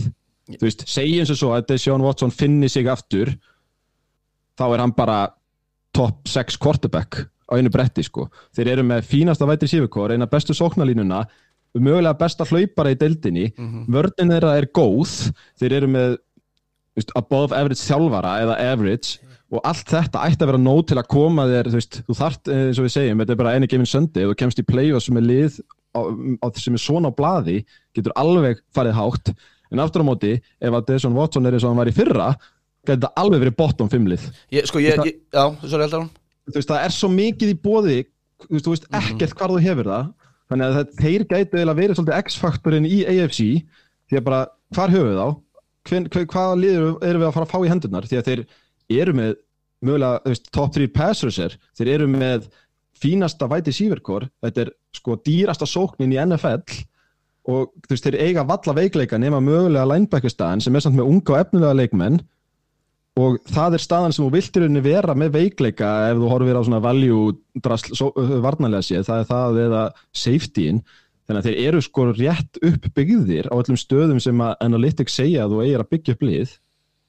Þannig að af hverju ætti þetta lið ekki mögulega að geta verið í AFC Championship game ef þetta svona raðast upp rétt bara, Mér persónulega, ég er ekkit seldur á þjálfara þeirra Af hverju, er Kevin Stefanski, er hann bara þekk Er hann góður Nei. þjálfari? nei, average þú veist, ég er að tala um bara 16, 17 Ok, Er sko? Eh, Þú veist, það er líka spurning Já, og- til að koma, ég efast um það, það er, ég, ég er svolítið svona setju aftur þar En þeir ríðu Jim Schwartz sem hérna Já. defensive coordinator Það vegur svolítið upp á móti því að mínum mati. Þarna Já, fyrir því að- Eagles. Veistu, það sem feldi það í fyrra var náttúrulega framista Watson og hvað þessu ógeðslega léli vörnin var. Já. en þeir eru búin að fá sér nýjan defensive coordinator sem er bara mjög góður defensive coordinator. Stefanski með hérna hver var aftur að starta? Jacobi Brissett í fyrra? Já, vörnin var alveg fínt uppbyggð playkóli var ekkert slæmt. Þetta var ekki allt í lægi til að byrja með. En núna er vandamálið bara hver er Deshaun Watson? E- e- hafið þið heyrt eitthvað camp? Ég heyrði eitthvað, nei, ég, ég held sér Hann alltaf spilaði svolítið mikið, var það ekki í fyrsta? Nei, hann, jú, hann var hvað, hann var fimm leiki. Nei, við erum að tala um, tól- ertu ekki að tala um Nei, ég er að tala um núna æfingarleiknum? æfingarleiknum Spilaði hann ekki, byrjaði hann ekki Ég man það bara ekki Ég held að hann hafi byrjað sko, fyrsta æfingarleik Andskotinn, sem er ég- pínu svona Nei, skrítið var það ekki Hall of Fame game eða? Nei, Nei. það var hérna Jets og Jets og hérna Alla, Já, skiptir ekki alltaf máli Browns. Ég, ég, ég er svona með meiri tilfinningu og, og skoðun heldur en endilega annað sko, mér langar svo að trúa því að til að vera elite quarterback í þessari dild þá getur ekki seti hjá í 2,5 ár Mhm. og það er ekki vegna þess að þú sleist crossband og ert á massívri way back eitthvað dæmi, það er heldur af því að þú, þú var bannað að spila í íþróttinni eða skiljið hvað ég á við, mátt ekki æfa, mátt ekki gera neitt. Mátt mæti í rektin og kasta bolta og Jóa Jóns hérna út á Þannig að þú ert að segja að verið betri núna?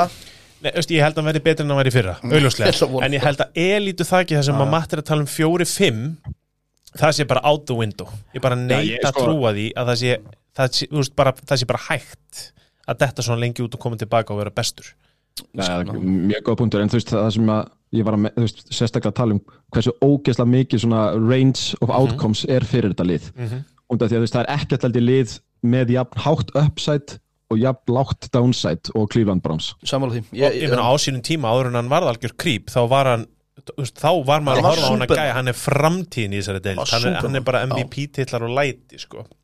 Já. þannig að En, En ég veit ekki. Þetta er nefnilega drullu gott lið, sko. En svo getur einmitt, de, de, þú getur líka Devils advokata þetta eins og þú ert búin að svona svo sem nefna og það er að er Desson Watson verður bara lélugur Ameri Já. Cooper verður bara eins og hann var Elijah Moore er síðan ekki neitt og Donovan Peoples-Jones er bara punt returner þá er þetta rosalega, og David Njoku sýnir okkur nákvæmlega sem hann er búin að sína okkur síðan hann var Njoku sko, sem er ekkert Já. þá er þetta hérna þú veist, þá er ekki til í þessu liði skilur Nei, nei.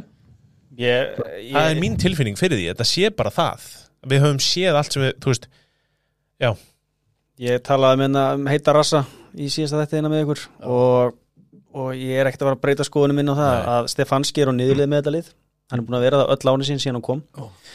Desjón Watson verður vonbrið það er bara 100% og þeir byrja fjóra fyrstu fimm leikjunum eru heimaleikir og heimaleikir eru San Francisco, Baltimore, Tennessee og Bengals. Og útileikurinn er Steelers.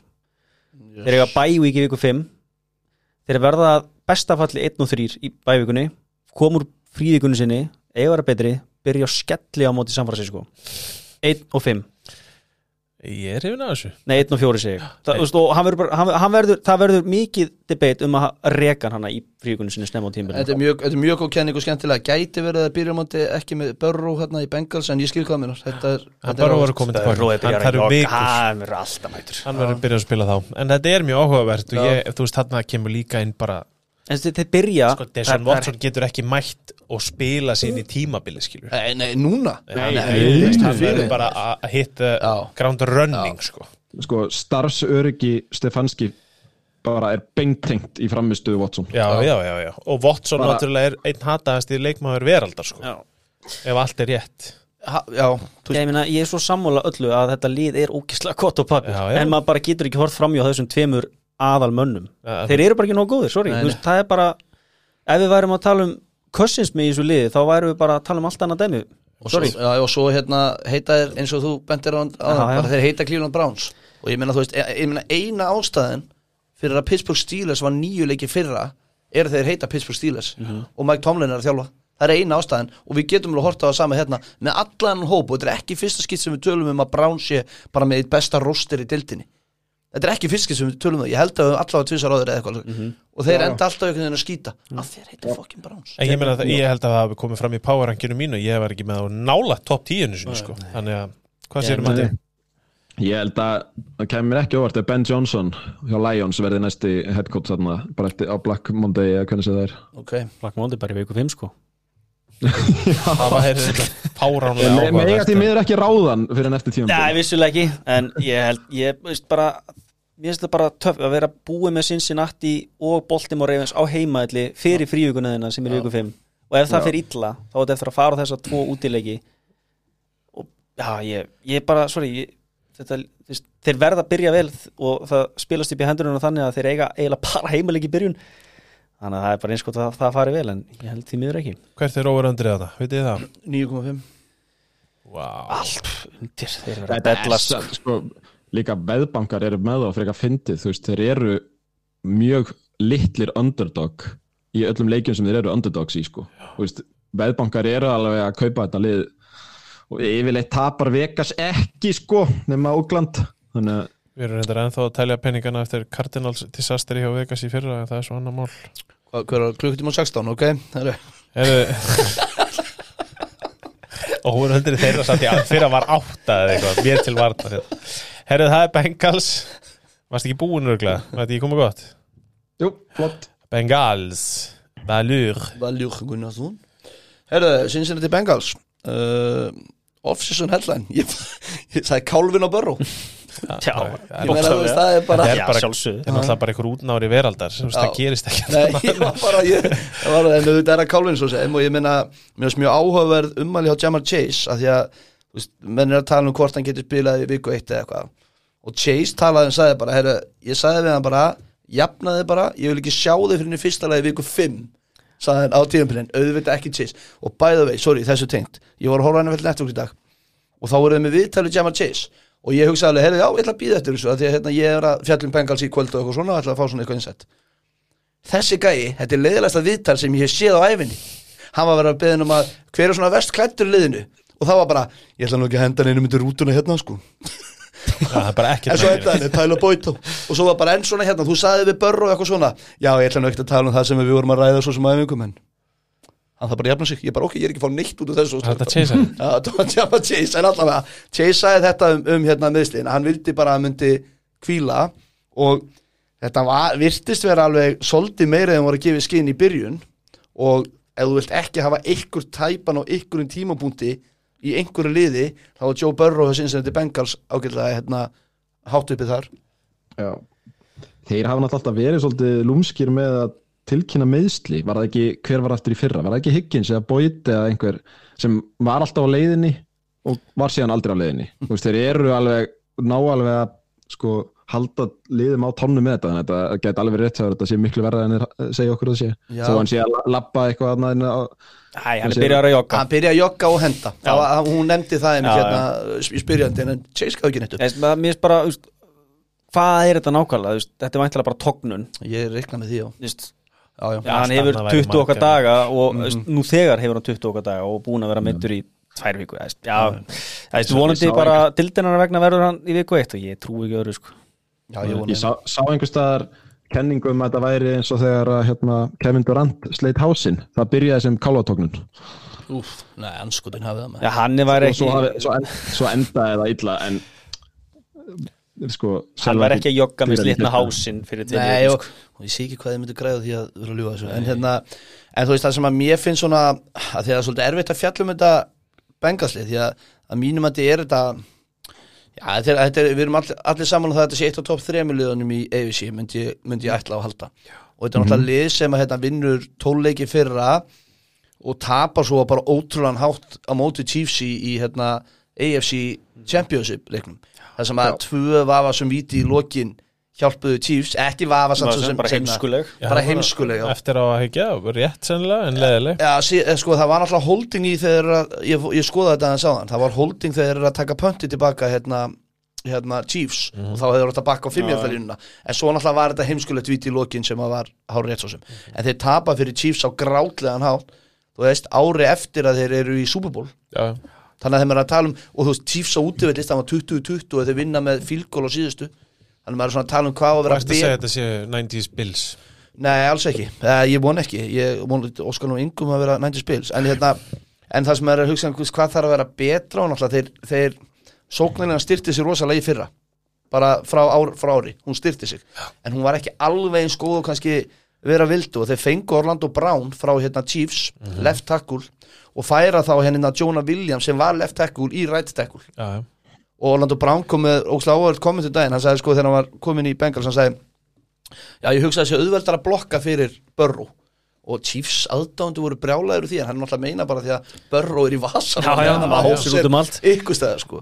Og hérna, og þú veist og, þa og það má alveg halda þér fram að þú setja uppgreita í right tackle og jafnvel left tackle með þessu, því að Williams er vist að spila mjög vel núna og Já, ég menn, svo er líka bara, svo bara eh, veist, það, þeir voru í vandræðum í byrjun Karras og Kappa sem komu inn nýr í fyrra. Þeir styrtust eftir því sem áleið Já. en ef þú ert að spói hvað það þarf að vera betra bara eins og með mörg önnu lið þeir þurfa bara að klára leikina sína í playoffs.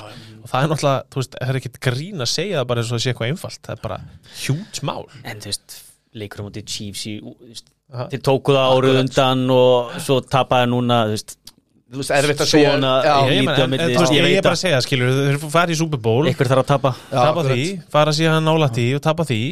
Þetta leggst á sálinu ég, ég, ég, ég, ég hafði og hef meiri áhyggjur af Bills heldur en Bengals í hvað þetta var eins og Bills þegar þau töpuðu fyrir Chiefs þegar hérna, 13 sekundur eftir og, og þeir fara upp og jafna yfir vinna það næst. Mér finnst það valla sambærlega lið mér finnst Bengals það mikið betri. Nei, já, er- já, ég er að Já. segja það, þess vegna er að segja Ég held bara að þá hafi Bills hrun, bara hrunið af okkur sko, uh, Cliffsbrún hérna. Já. Cliffsbrún, að Bjargbrún og bara því að þeir bara mistu allt einhvern veginn við það. Ég hef ekki þær áhyggjur af Bengals. Nei, nei. mér finnst þeir vera svolítið bara þú veist eins og ég, þeir eru bara að gera þetta nokkuð vel finnst mér. Dröftu þetta, hvað Miles Murphy heitir hann það ekki hérna, Russin hérna sem er Mhm. verður líklega þriðji Edge Russin hérna á eftir Hendriksson og hérna þannig að mér finnst bara mér finnst bara áran um, og allt í kringum Bengals vera í rosalega fínu standi. Já, já, sammála. ég held að Chase verði líka bara ég held að hann verði yfir Jefferson í ár. Ég held að þetta verði best út í dildarinnar hvað var að ræða á svona. Já, ég held að þetta verði bila ár hjá hann sko. Ég, eh, já, eh, sko það er, það er ekki ósangjöft skoðun bara heldur séu einmitt eitt A og eitt B með eh, Hill sem eitt sé Mhm. það sem maður hugsa kannski helst til er, er, er hvort þessi bara hreinlega búin að missa svo mikið úr sekundiríunum sínu Já, veist- með safety Já. já. þú veist, hvort að þar sé bara Já. aðeins svo stór biti að kingja sko það er alltaf Það er helvítis nöfn nefnilega, já, sko. já, mikið leiðtói að fara þar út sko það vegur alveg mikið í klefunum sko. Það er alltaf að fá, missa Von Bell og, og Bates sko, tveir safety sko, þú missir Já. alveg bakfildið þarna, sko. All, það er náttúrulega já, máli já. sko. Og eftir sitta, þú veist, já Nick Scott, Þetta- það er sko, þú veist, þeir það er þurfa raunveruleika stjarnar sko, frekar en já, já, þeir þurfa, þú veist sekundrið er svona það er veikipunkturinn það er það Já, eina sem missa, ég sé. missa líka Eli Apple ég er með að skrifa þetta. En, hérna, en annars annars bara hef ég yngar ágjör á þessu liði veist, hérna, hör, þeir hafa, nei, líka, sorry, þeir hafa líka sérhæft sig varnarlega í því og við rættum það sérstaklega fyrir tjömbli í fyrra. Þá var þetta spurningum getur þau haldið áfram að gera miðlungsleikmenn og góðum leikmennum Mm. sem þeir síndu okkur bara fullkomlega að þeir gætu gert þeir verða þá bara, þetta er bara þá staðan hjá Bengals, þetta er hafa alltaf verið lið sem eður ekki neinu, nú er þeir aðeins búin að svona, kemur smá peninga innspýting í þetta hjá já. þeim, síðustu árin vegna þess að þeir finna líkt af titli. Þá er það bara líka að taka Vusier og, og Taylor Britt og gera eitthvað úr þeim sem eru konnubakkarnir og vona þá að Nick Scott og Doug Sill sem koma inn sem er safety-arnir séu ekki brunarúst það mun alltaf klárlega hjálpa þessum safetyum og bakvarsveitinni að, að ef allt er eðlilegt þá munið þið ná að generita nóg mikla pressu svona 100% undir reglulegum kringu voru þeir ekki líka semja aftur við Logan Wilson? Ég held að hann hafi verið að Jó, hann, er ennþá jú, jú. Nei, voru framlengja við hann bara nýlega. En það er þá líka spurning, svo náttúrulega er bara einhver, einhver meistari að þjálfa vördinni bara stólu úr mig hvað hann heitir. Hann var bara, Það Og vera Jú, Lú, Anna Rúma Jú, hann var það bara það það er tvö ári í röð Já. og það munur heldur betur um það líka í þessu liði. Já, og svo, svo er annað og þú veist, við tölum um að Mahomes geti gert kjúklingasalat úr kjúklingaskít ég gæti alveg trú að Burrow gæti gert kannski ekki eins gott kjúklingasalat en ykkur, og svo er hann með besta vætri síver þarna herbyggi líklega í dildinni Já, ég meina Higgins og Chase Helst og Tyler Boyd, Boyd. Tyler Boyd Já. var á undan þeim þeirra útri númer eitt Akkurat. og var að standa sér fínt sko þannig að þetta er náttúrulega útópi að halda því fram að þeir munu nokkuð tíma að spila allir þrýr á sama tíma Já, sko. ok, en, en, en punktur minn sá, þú veist og það er að Burrow, hann er hann, hann er hann. Já, já. og þú veist, Ja, það 100%. mun flytja þeim að skiljið hvað ég meina? Hann er, hann er hann, alveg eins og Mahomes er hann, auðvitað er Mahomes bestur, ekki miskjálum mig, en hann er alveg jafn- jafn mikill hann og hann. Alveg, hann, hann, hann, hann, hann, hann him Matti, þetta er sammála. Eh, Ég er hundar og samanlega, þetta var smá púslispil en þú lendir þessu. Var þetta var Fínt lendi að vera hérna megin á landinu, þá, geti, þá sér mig enginn hugsa sko. Að því að sjá okkur allir hugsa hérna. En, hérna, ég horfa á hvern annan sko. En ég, hef, ég hef líka reyndar á ykkur. Ég held að Joe Mixon, ég veit ekki alveg hvað hann á mikið eftir. Og þeir, eða þú veist, ég, ég er ekki 100% seldur á Joe Mixon 2023 skal við ekki ná Ég hefði alveg viljað sjá þá einmitt gríp inn í og taka þú veist, þarna var tækifæri til- fyrir sík og, og kúka kom inn og vera höndilaus fyrstur, höndilaus já, já, já, en þeir Hann er nú dröftu komið samt bara á einhverja, einhverja rútufönnum bandaríkinu, eða ekki? Jú, jú Hann var, byrju, hvert var hann eftir komin Saints þegar og Col- Colts. Colts ringdi í hann hann var hjá Saints Já, Saints Þá hringdi Hringdi Colts. spöðunum miljóni viðbútt, þá bara sæjónara hann sér frá Saints yfir til Colt, sem samt ekki ennþá búin að skrifa undir neist þar. um hönd Karim Hunt. Já. Mér finnst náttúrulega ótrúlega að Melvin Gordon hafi verið fyrstur allra manna af þessum brunarústum verið sænar hjá Ravens þú veist, þú ert með hönd sem getur gert fína hluti við, Við við horfum í allir. liðin svo Bengals og hérna Vikings sem dæmi, ég meina sem veist, eru bara með eitt svona reliable hlaupara ef við getum kallað hann svo sko Ég veit ekki, en þetta, ég glemdi að nefna á hann, hvað, veist, ég tristi Alexander Mattsson ég blant og ég get kasta á honum, sko. Já, nákvæmlega sko, og saman með Mixon núna, ég meina, þú veist, hann verður ekki léttar á fæti sko Nei.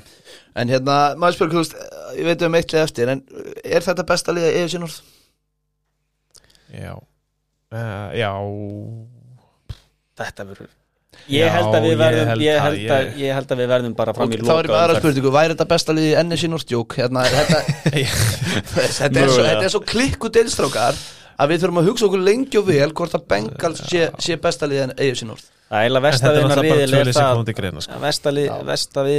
Er það að þessi lið Ravens og Cincinnati ættu náttúrulega mætast bara í loka umferðinni Já. Ég sé alveg fyrir mér að þetta verður bara komið í loka umferðina sko. Já, já, já, ég, ég er hann að samla því, mér, veist, eins og ég segi ég, veist, mér finnst, ég veit ekki hvað við getum sagt um Bengals sem að, sem að er ekki búið að segja ligguðu bara í þættinum í fyrra, skiljum við hvað með Já, já. Þetta er sama lið, sko. þetta er sama lið, þetta er bara að komin struktúr í þetta, þeir eru búin að bæta sóknarlinu sinna og hérna hann er að, þú veist, jú, jú ég, ég sagði ekkert mann fyrir nokkur þáttum ég held að Bengals vinni Súbúból ég er ekki alveg eins uh, fastur á því akkurat núna en þeir verða þarna alveg og það er bara sjokkar ef þeir vinna ekki leik í play-offs á mínum Já. punkturinn á hann við förum í annar lið er bara ég sem er að horfa út á lið og hugsa allt í einu bara, heyrðu, þeir eru ekki meðnir í tætend. Já, Ör Smith, Irv Smith. þarna, já. Hann Fyrir, hann var mikið prospekt en hérna, getur afskaplega lítið. hann er mikið meður hann var, hann er klár, hann var vombrið á Minnesota, það Já. var alveg mikið látið með hann sko. Já. Ég En bara, það er mitt máli, sko. ég held að þú komist upp með að vera ekki með ég til út með þessa væti svo ég treyst á hann Hann er nógu góður Spila það tveir að þreim. já, en hérna, svo var var ekki eins og með breakout kandidat sko ég, ég, ég var að sem að setja hann að Hill, eða Jax Hill eða eitthvað þarna sem að Það settu bara Camtel og Britt og Já, já, fínt, þið með velja þið sem eru að hlusta með velja breakout kandidat fyrir Bengals. Ósköp svipalið og í fyrra. Ég er að meira það, þetta er bara einhvern veginn Já, já, Já, já, fylgist þið með kornibókunum að þeirra í ár? Já. Eða eitthvað, Og safety- safety honum. safety honum, Já, Nick Scott. Nick Scott og Dax Hill Þetta hljóma náttúrulega ándjóks eins og bara Og Dax Hill er förstrandur í fyrra held ég, eða maður rétt. En Þetta er svona hérna Já, svona Jersey Shore nöfn Hérna, síðasta lið þáttarins er uh, Ravens og sennilega heitasta lið landsins. Það er okkar upplifun. Heitir aðdáðandur Ravens sem gangum gutur Íslands. Matti minn, guð blessiði bara. Takk, Þá þættinum lokið. verður geðveikt. Ég er svo mikið á lestinni eftir að þeir loksins uh, hugsuðu common sense og sænuðu Lamar eftir það djúfisir stramma í sumar. Sætli sem bæði var alveg ofbúslega þreytt og óþarfi saga það endaði bara þannig að common sense vann og ég er bara mjög ánæður með það. Uh, það sem ég var spenntastu fyrir hjá þeim var það að þeir leiktu loksins Greg Roman fara hlustið á okkur eftir þrjú ár. Ég held að það væri common sense sem við að tala um. Já, einnig. Um, en í staðinn kemur stóri bitin Todd Monken mættur eftir að hafa stjórnað uh, sókn Georgia í college og unnið þar held í tvö ár í röð. Og það gæti eiginlega ekki verið meira uppeyja frá Greg Roman þannig ertu með gæja sem vill bara spila 11 personnel, bara eitt running back, eitt tight end, restu eitri síðurar tegja á vörninni og bara fast pace, ekki þetta krumpaða fjórir tight endar 8 mýjarda sendingar og Mark Andrews eða þá hlaup. Kjaftaði sem við horfum að fyrra veist, þarna erum við með gæja sem að hjálpaði James Winston í best, sitt besta ár sem var endar 30 touchdown, 30 int en hei, látið það líka milli hluta.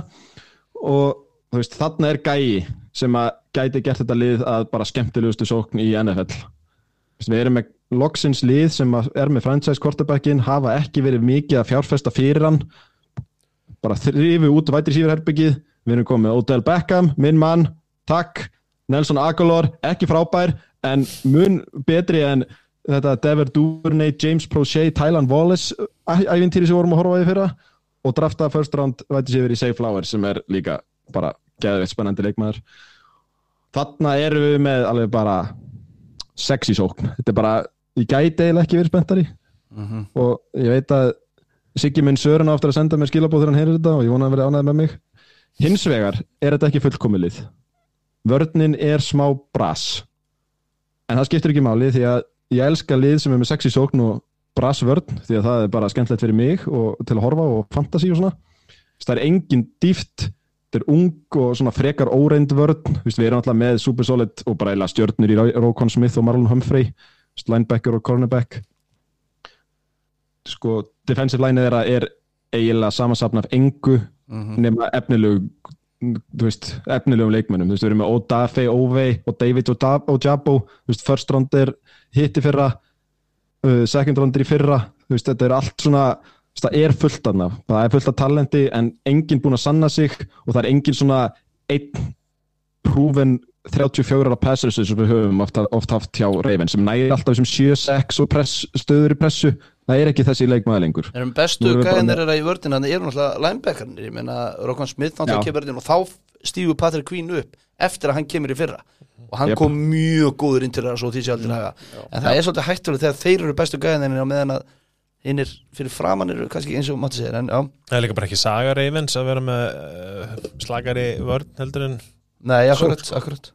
Þetta er svo bara svo ógeðslega vel reikið batteri og hefur alltaf verið og er alltaf, þú veist, alltaf í contention á einhvern hátt. Hvað þarf að vera betra í fyrra en uh, til að hlutinni ganga upp? Þú veist, það er bara nummer 1, 2 og 3 sóknarleikur þarf að finna sig og snemma. Þú veist, það má alltaf búast við að smá hyggsti þegar þetta er allt svona nýtt. Nýtt sóknarkerfi, nýr offensive coordinator svona margir nýjir leikminn á líkilstöðum og hilsa lamar veist, það þarf að halda honum heilum, það má ekki byggja vörn, nei, þessa sókn í kringu lappinur honum, veist, hann bara meikar það ekki.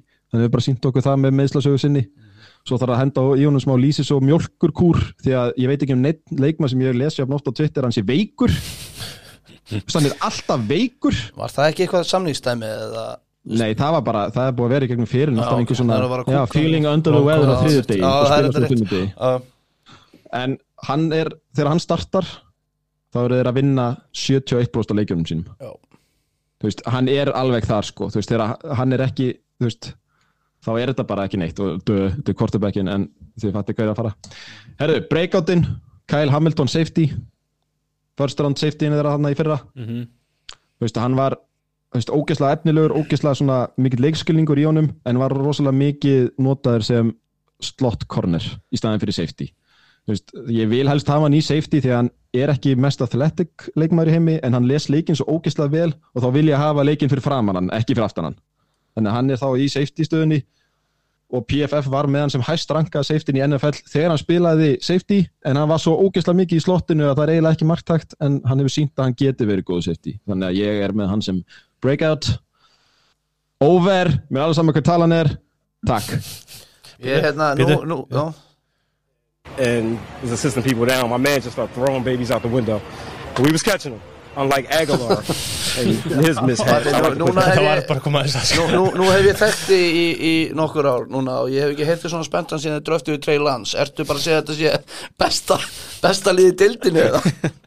Nei, ég var bara svo spenntur að fara yfir þetta lið að sko ég vil fá þá langt inn í play-offs. Það, við finnst það bara að vera flór fyrir þá með þessa sók Já, ég, Eva, en, en þú veist Eva hefði og bla bla bla en þeir eru alveg með bitana núna til að fara langt. Þú veist, það er í rauninni ekkert það mikið af veikleikum, það er dýft á Pessrus, ég veit að Pessrus er rosa mikið vekt en allt hitt ætti að vera nógu gott og með þennan þjálfara, besta kick er í allra tíma, veist. Það, þetta er allt svo hátt flóra þarna, þannig að ég vil helst fá þá til að springa út aðeins og vera bara þriðja besta liðið ef ekki næst besta í ESI já, ég, ég er sammálaður en þarna komum við að merk málsins af því að ég er sammálaður, eins og ég sagði, ég var með Bengals einhvern veginn bara sem bara mínu Super Bowl champs. Ravens er ekkert langt frá þeim og mér finnst þeir geggjar þegar maður er að skoða þetta lið. En AFC er bara svo ógeðslega sterk. Já, já. og þá komum við að, að- að Baltimore virðist ekki geta unni leik í play og sig Ég held nefnilega, punkt, ein, svona að fáu punktunum mínu sem ég ætla að koma með hérna, að ég ætla að er ger ekki vel á stjömbili, Já, þá er bara einn rass eftir að reka, sko. Nú er Lamar búin að fá langa samningi sinn. Ég veit það, en þú veist, á einhverjum Þú veist, hann er búin að vera ár eftir ár eftir ár þá kemur alltaf hérna huge headline, er Harbo á heitasætinu. Á einhverjum tímapunkti þá bara, veist, ég er ekki að segja sér rétt ákvörðun en þeir rekan, sko. Já, þá, þá er hann naturlega en ég hef bara engar ágjur ég hef engar ágjur að þessu liði Nei, nei. nema ég hef aftur að sjá J.K. Dobbins do it Sko, og halda steitt Taland um hann. Hann, mínu, hann á eftir að meðast ja, 100% og Þetta- það sem er vandamáli við þetta lið ég er enda var ekki búin að Gordon, hvort að tjekka á því. Samningurinn er Milla, þess vegna var hann fyrstur. Já, já, allt í góð, en þú veist, ég er að tala um bara treyningsstaffið þarna, þú veist þú með Dobbins, hann helst aldrei heil Lamar Jackson, hann er búin að missa leikjum síðust tvö tímbil Bateman mista af öllu síðasta tímbili yes. Beckham var ekkert með í fyrra. Passa þess að Matt er alfarið á móti því að við ræðum meðsli á þessum já. það er bara óhefn ég er alveg sama. Sko, það, þú ert með þrjá leikmenn hann sem eru startirar og sko, eru bara Ansi mikilvægir. mikilvægir og bara tæpið, þú veist ekkert þetta er- þetta er menn að stíða upp úr drullu erfið meðslum sko. Aha, 100% Já, sko, við erum með Dobbins, hann er að fara meðast já, já, Gus hann, er hann er líka sko holding out Dobbins út af hann, hann vil nýjan samning sem heitir sko, þarna meikar ekkert sens. Hann hefur ekki neina innistæði fyrir því að byggja um nýjan samning en hann er ógeðslega góð þegar hann spilar ég held að hann sé sko því. bara, bara- já, þú veist, ógeðslega hátt yards per já, carry já, þegar hann spilar bara sem er aldrei effektífustu hlaupurum dildarinnar þegar hann spilar. En er það ekki bara, veit hann ekki jafnvel og við að hann mun ekki geta spila þannig að hann vil Mhm. þarf að fá eitthvað pening? Í alvörinni Það er rosa skrítið samt leið til að fá pening já, hún hefur ekki gefið ekki, hann mæti ekki vinnuna. Já, bara heilu, ég veit ekki með Borgin er ég get, hef aldrei spilað neitt en, en En, en, ég er það er fullt af spennandi dótið og auðvitað, eins og með flest lið þá, þá þarf ekki mikið sérstaklega þarna, þú veist, Odell náttúrulega er bara Odell en ég mun aldrei can't quit him, sko ég er alveg, ég hef gjössanlega búin að fá upp í Sko, koka á honum sko. Já, já, ég, ég, ég, ég veit ekki alveg hvað ég hefði en mér er til dæmis Mark Andrews, ég menna breytist hann aftur í grípandi tight end í þessari sókn? Mér fannst það bara hættur einhvern veginn að það hlýtur að vera. Vist, já, það hlýtur að vera. hann er besta hann er besta vopni í þessari sóknarna eins og er sko. En það vistist vera sem að hann var bara já. blokkar hérna fyrir þarna. Þannig ég er spenntur að sjá hann. að blokka.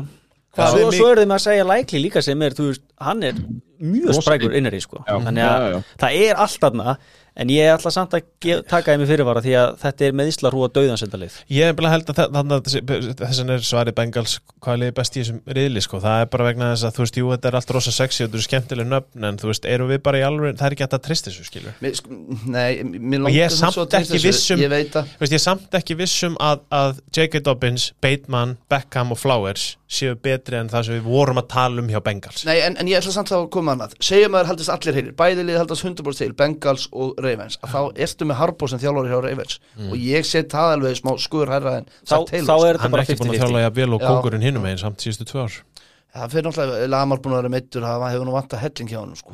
og ég ætla að láta Harbo fyrir ofan Samt Zach að þetta er Taylor heldur svolítið en ósangjant að því að Zach Taylor fór í Super Bowl Já, í Taylor, ég ætla samt að hafa. Harbo, ég treysti að Harbo Já, betur já. en Zach Taylor og hendur umhverjum í herbygg og slekkur ljósin. En Lamar, Lamar getur ekki bara verið að spila mjög skrítið. Lamar, Lamar getur ekki verið að fara að spila tólleiki þriðja tímbil í röð. Nei, nei, það þeir bara þurfa, það bara 15 leiki frá og þetta er engin tilviljun ég, ég held að þetta sé ánsins þriðja fjórða ári í röð það sem er bara meðisla hrúa döðans og það er alltaf eina afsökunin akkur þetta lið er að undirporma því að þetta er alltaf meitt. Það er bara ekkert í bóði ennþá það er aftur. Nei. það var þannig á mínum mönnum Vist, síðustu tvö tímbil fyrir þetta þá var alltaf bara erum alltaf mittir og allt bullandi vesinn En svo náttúrulega gerðu þið það sem áhugja sem við vorum að tala um í síðasta þetta með, með Eagles og, og 49ers allt í hennu voruð þið konum með 26 sterka byrjunarlistleikmenn en það er líka það var, þú veist, það var alveg umtalið eins og mínum mönnum í fyrra heru, þeir eru ekki að æfa nú mikið Já, mikið einmitt. kraftur í æfingarnar. Veist, ég, þá hugsaði bara veist, að hann er bara að gera þetta veist, Aftur, það er, það sagði er, því, það má ekki ræða þetta á skinsanlegum fórsendum þetta er alltaf óhefni. Já, já, sjá mata glotta hann í myndaðinni Nei, þess- þetta er alveg rétt. Og ég þetta fun svona funksjón er þetta bara, Já, þetta er bara þannig deild. Þú eru bara að haldast heitli og ætlar að fara langt. Algjörlega, erum við ekki bara góðir að? Ég held að. Var eitthvað meira, Matti minn, það getur eiginlega ekki verið. Nei, nei, ég held ég að koma alltaf frá mér. Ég ætla að reyna að halda okkur hérna rétt í kringum 1.40 Það er svolítið þessi, þátt, Það er þessi mjög þættir fínt, það er eru mjög á, fínt, á mjög þeirri línu. Takla tvo reyla Já, Já, nákvæmlega. einmitt, það hefur Bara- gengið vel. Yes, Þessu, þessu er gefið gott plás Það er bara svo leis Heldur, betur. Næstu viku komum við. Við erum bara tvo eftir sem ég finnst eiginlega fárálegt Við veist ég vera nýbyrjar á þessu. Og svo þurfum við að fara í fantasy. Einn eftir, Já, við hefum eitt þátt eftir Við höfum eitt þátt, tvo riðla Svo þurfum við að fara í fantasy Það fyrir að steyta sér dröft hjá fólki. Við skrifum í fantasy í vikunni þar á eftir held ég alveg örglega að skipla ég segi. Þannig að það Já. er austri í næstu viku. Svo er fantasy extravaganza. Helgina fyrir dra- síðustu hennar draft helgina eitthvað. Ég ætla nú bara, ég nenni ekki í síman sko. Þetta er líka bara svo gott lag. Gekkjala uh, Maggi minn, bara takk Já, hérlega fyrir takk að fyrir koma mig. Það er aldrei að vita nema hérna, byggja nenni ekki að mæti næstu Já, og við þurfum að vera halda aftur. Bara bjalli með litlum fyrirvara Þú ert allavega æminlega velkomin. Takk fyrir mig, strákar, strákar Takk mínir. hérlega fyrir. Setjum, Takk, takk. Já, takk, love you, bye. Bye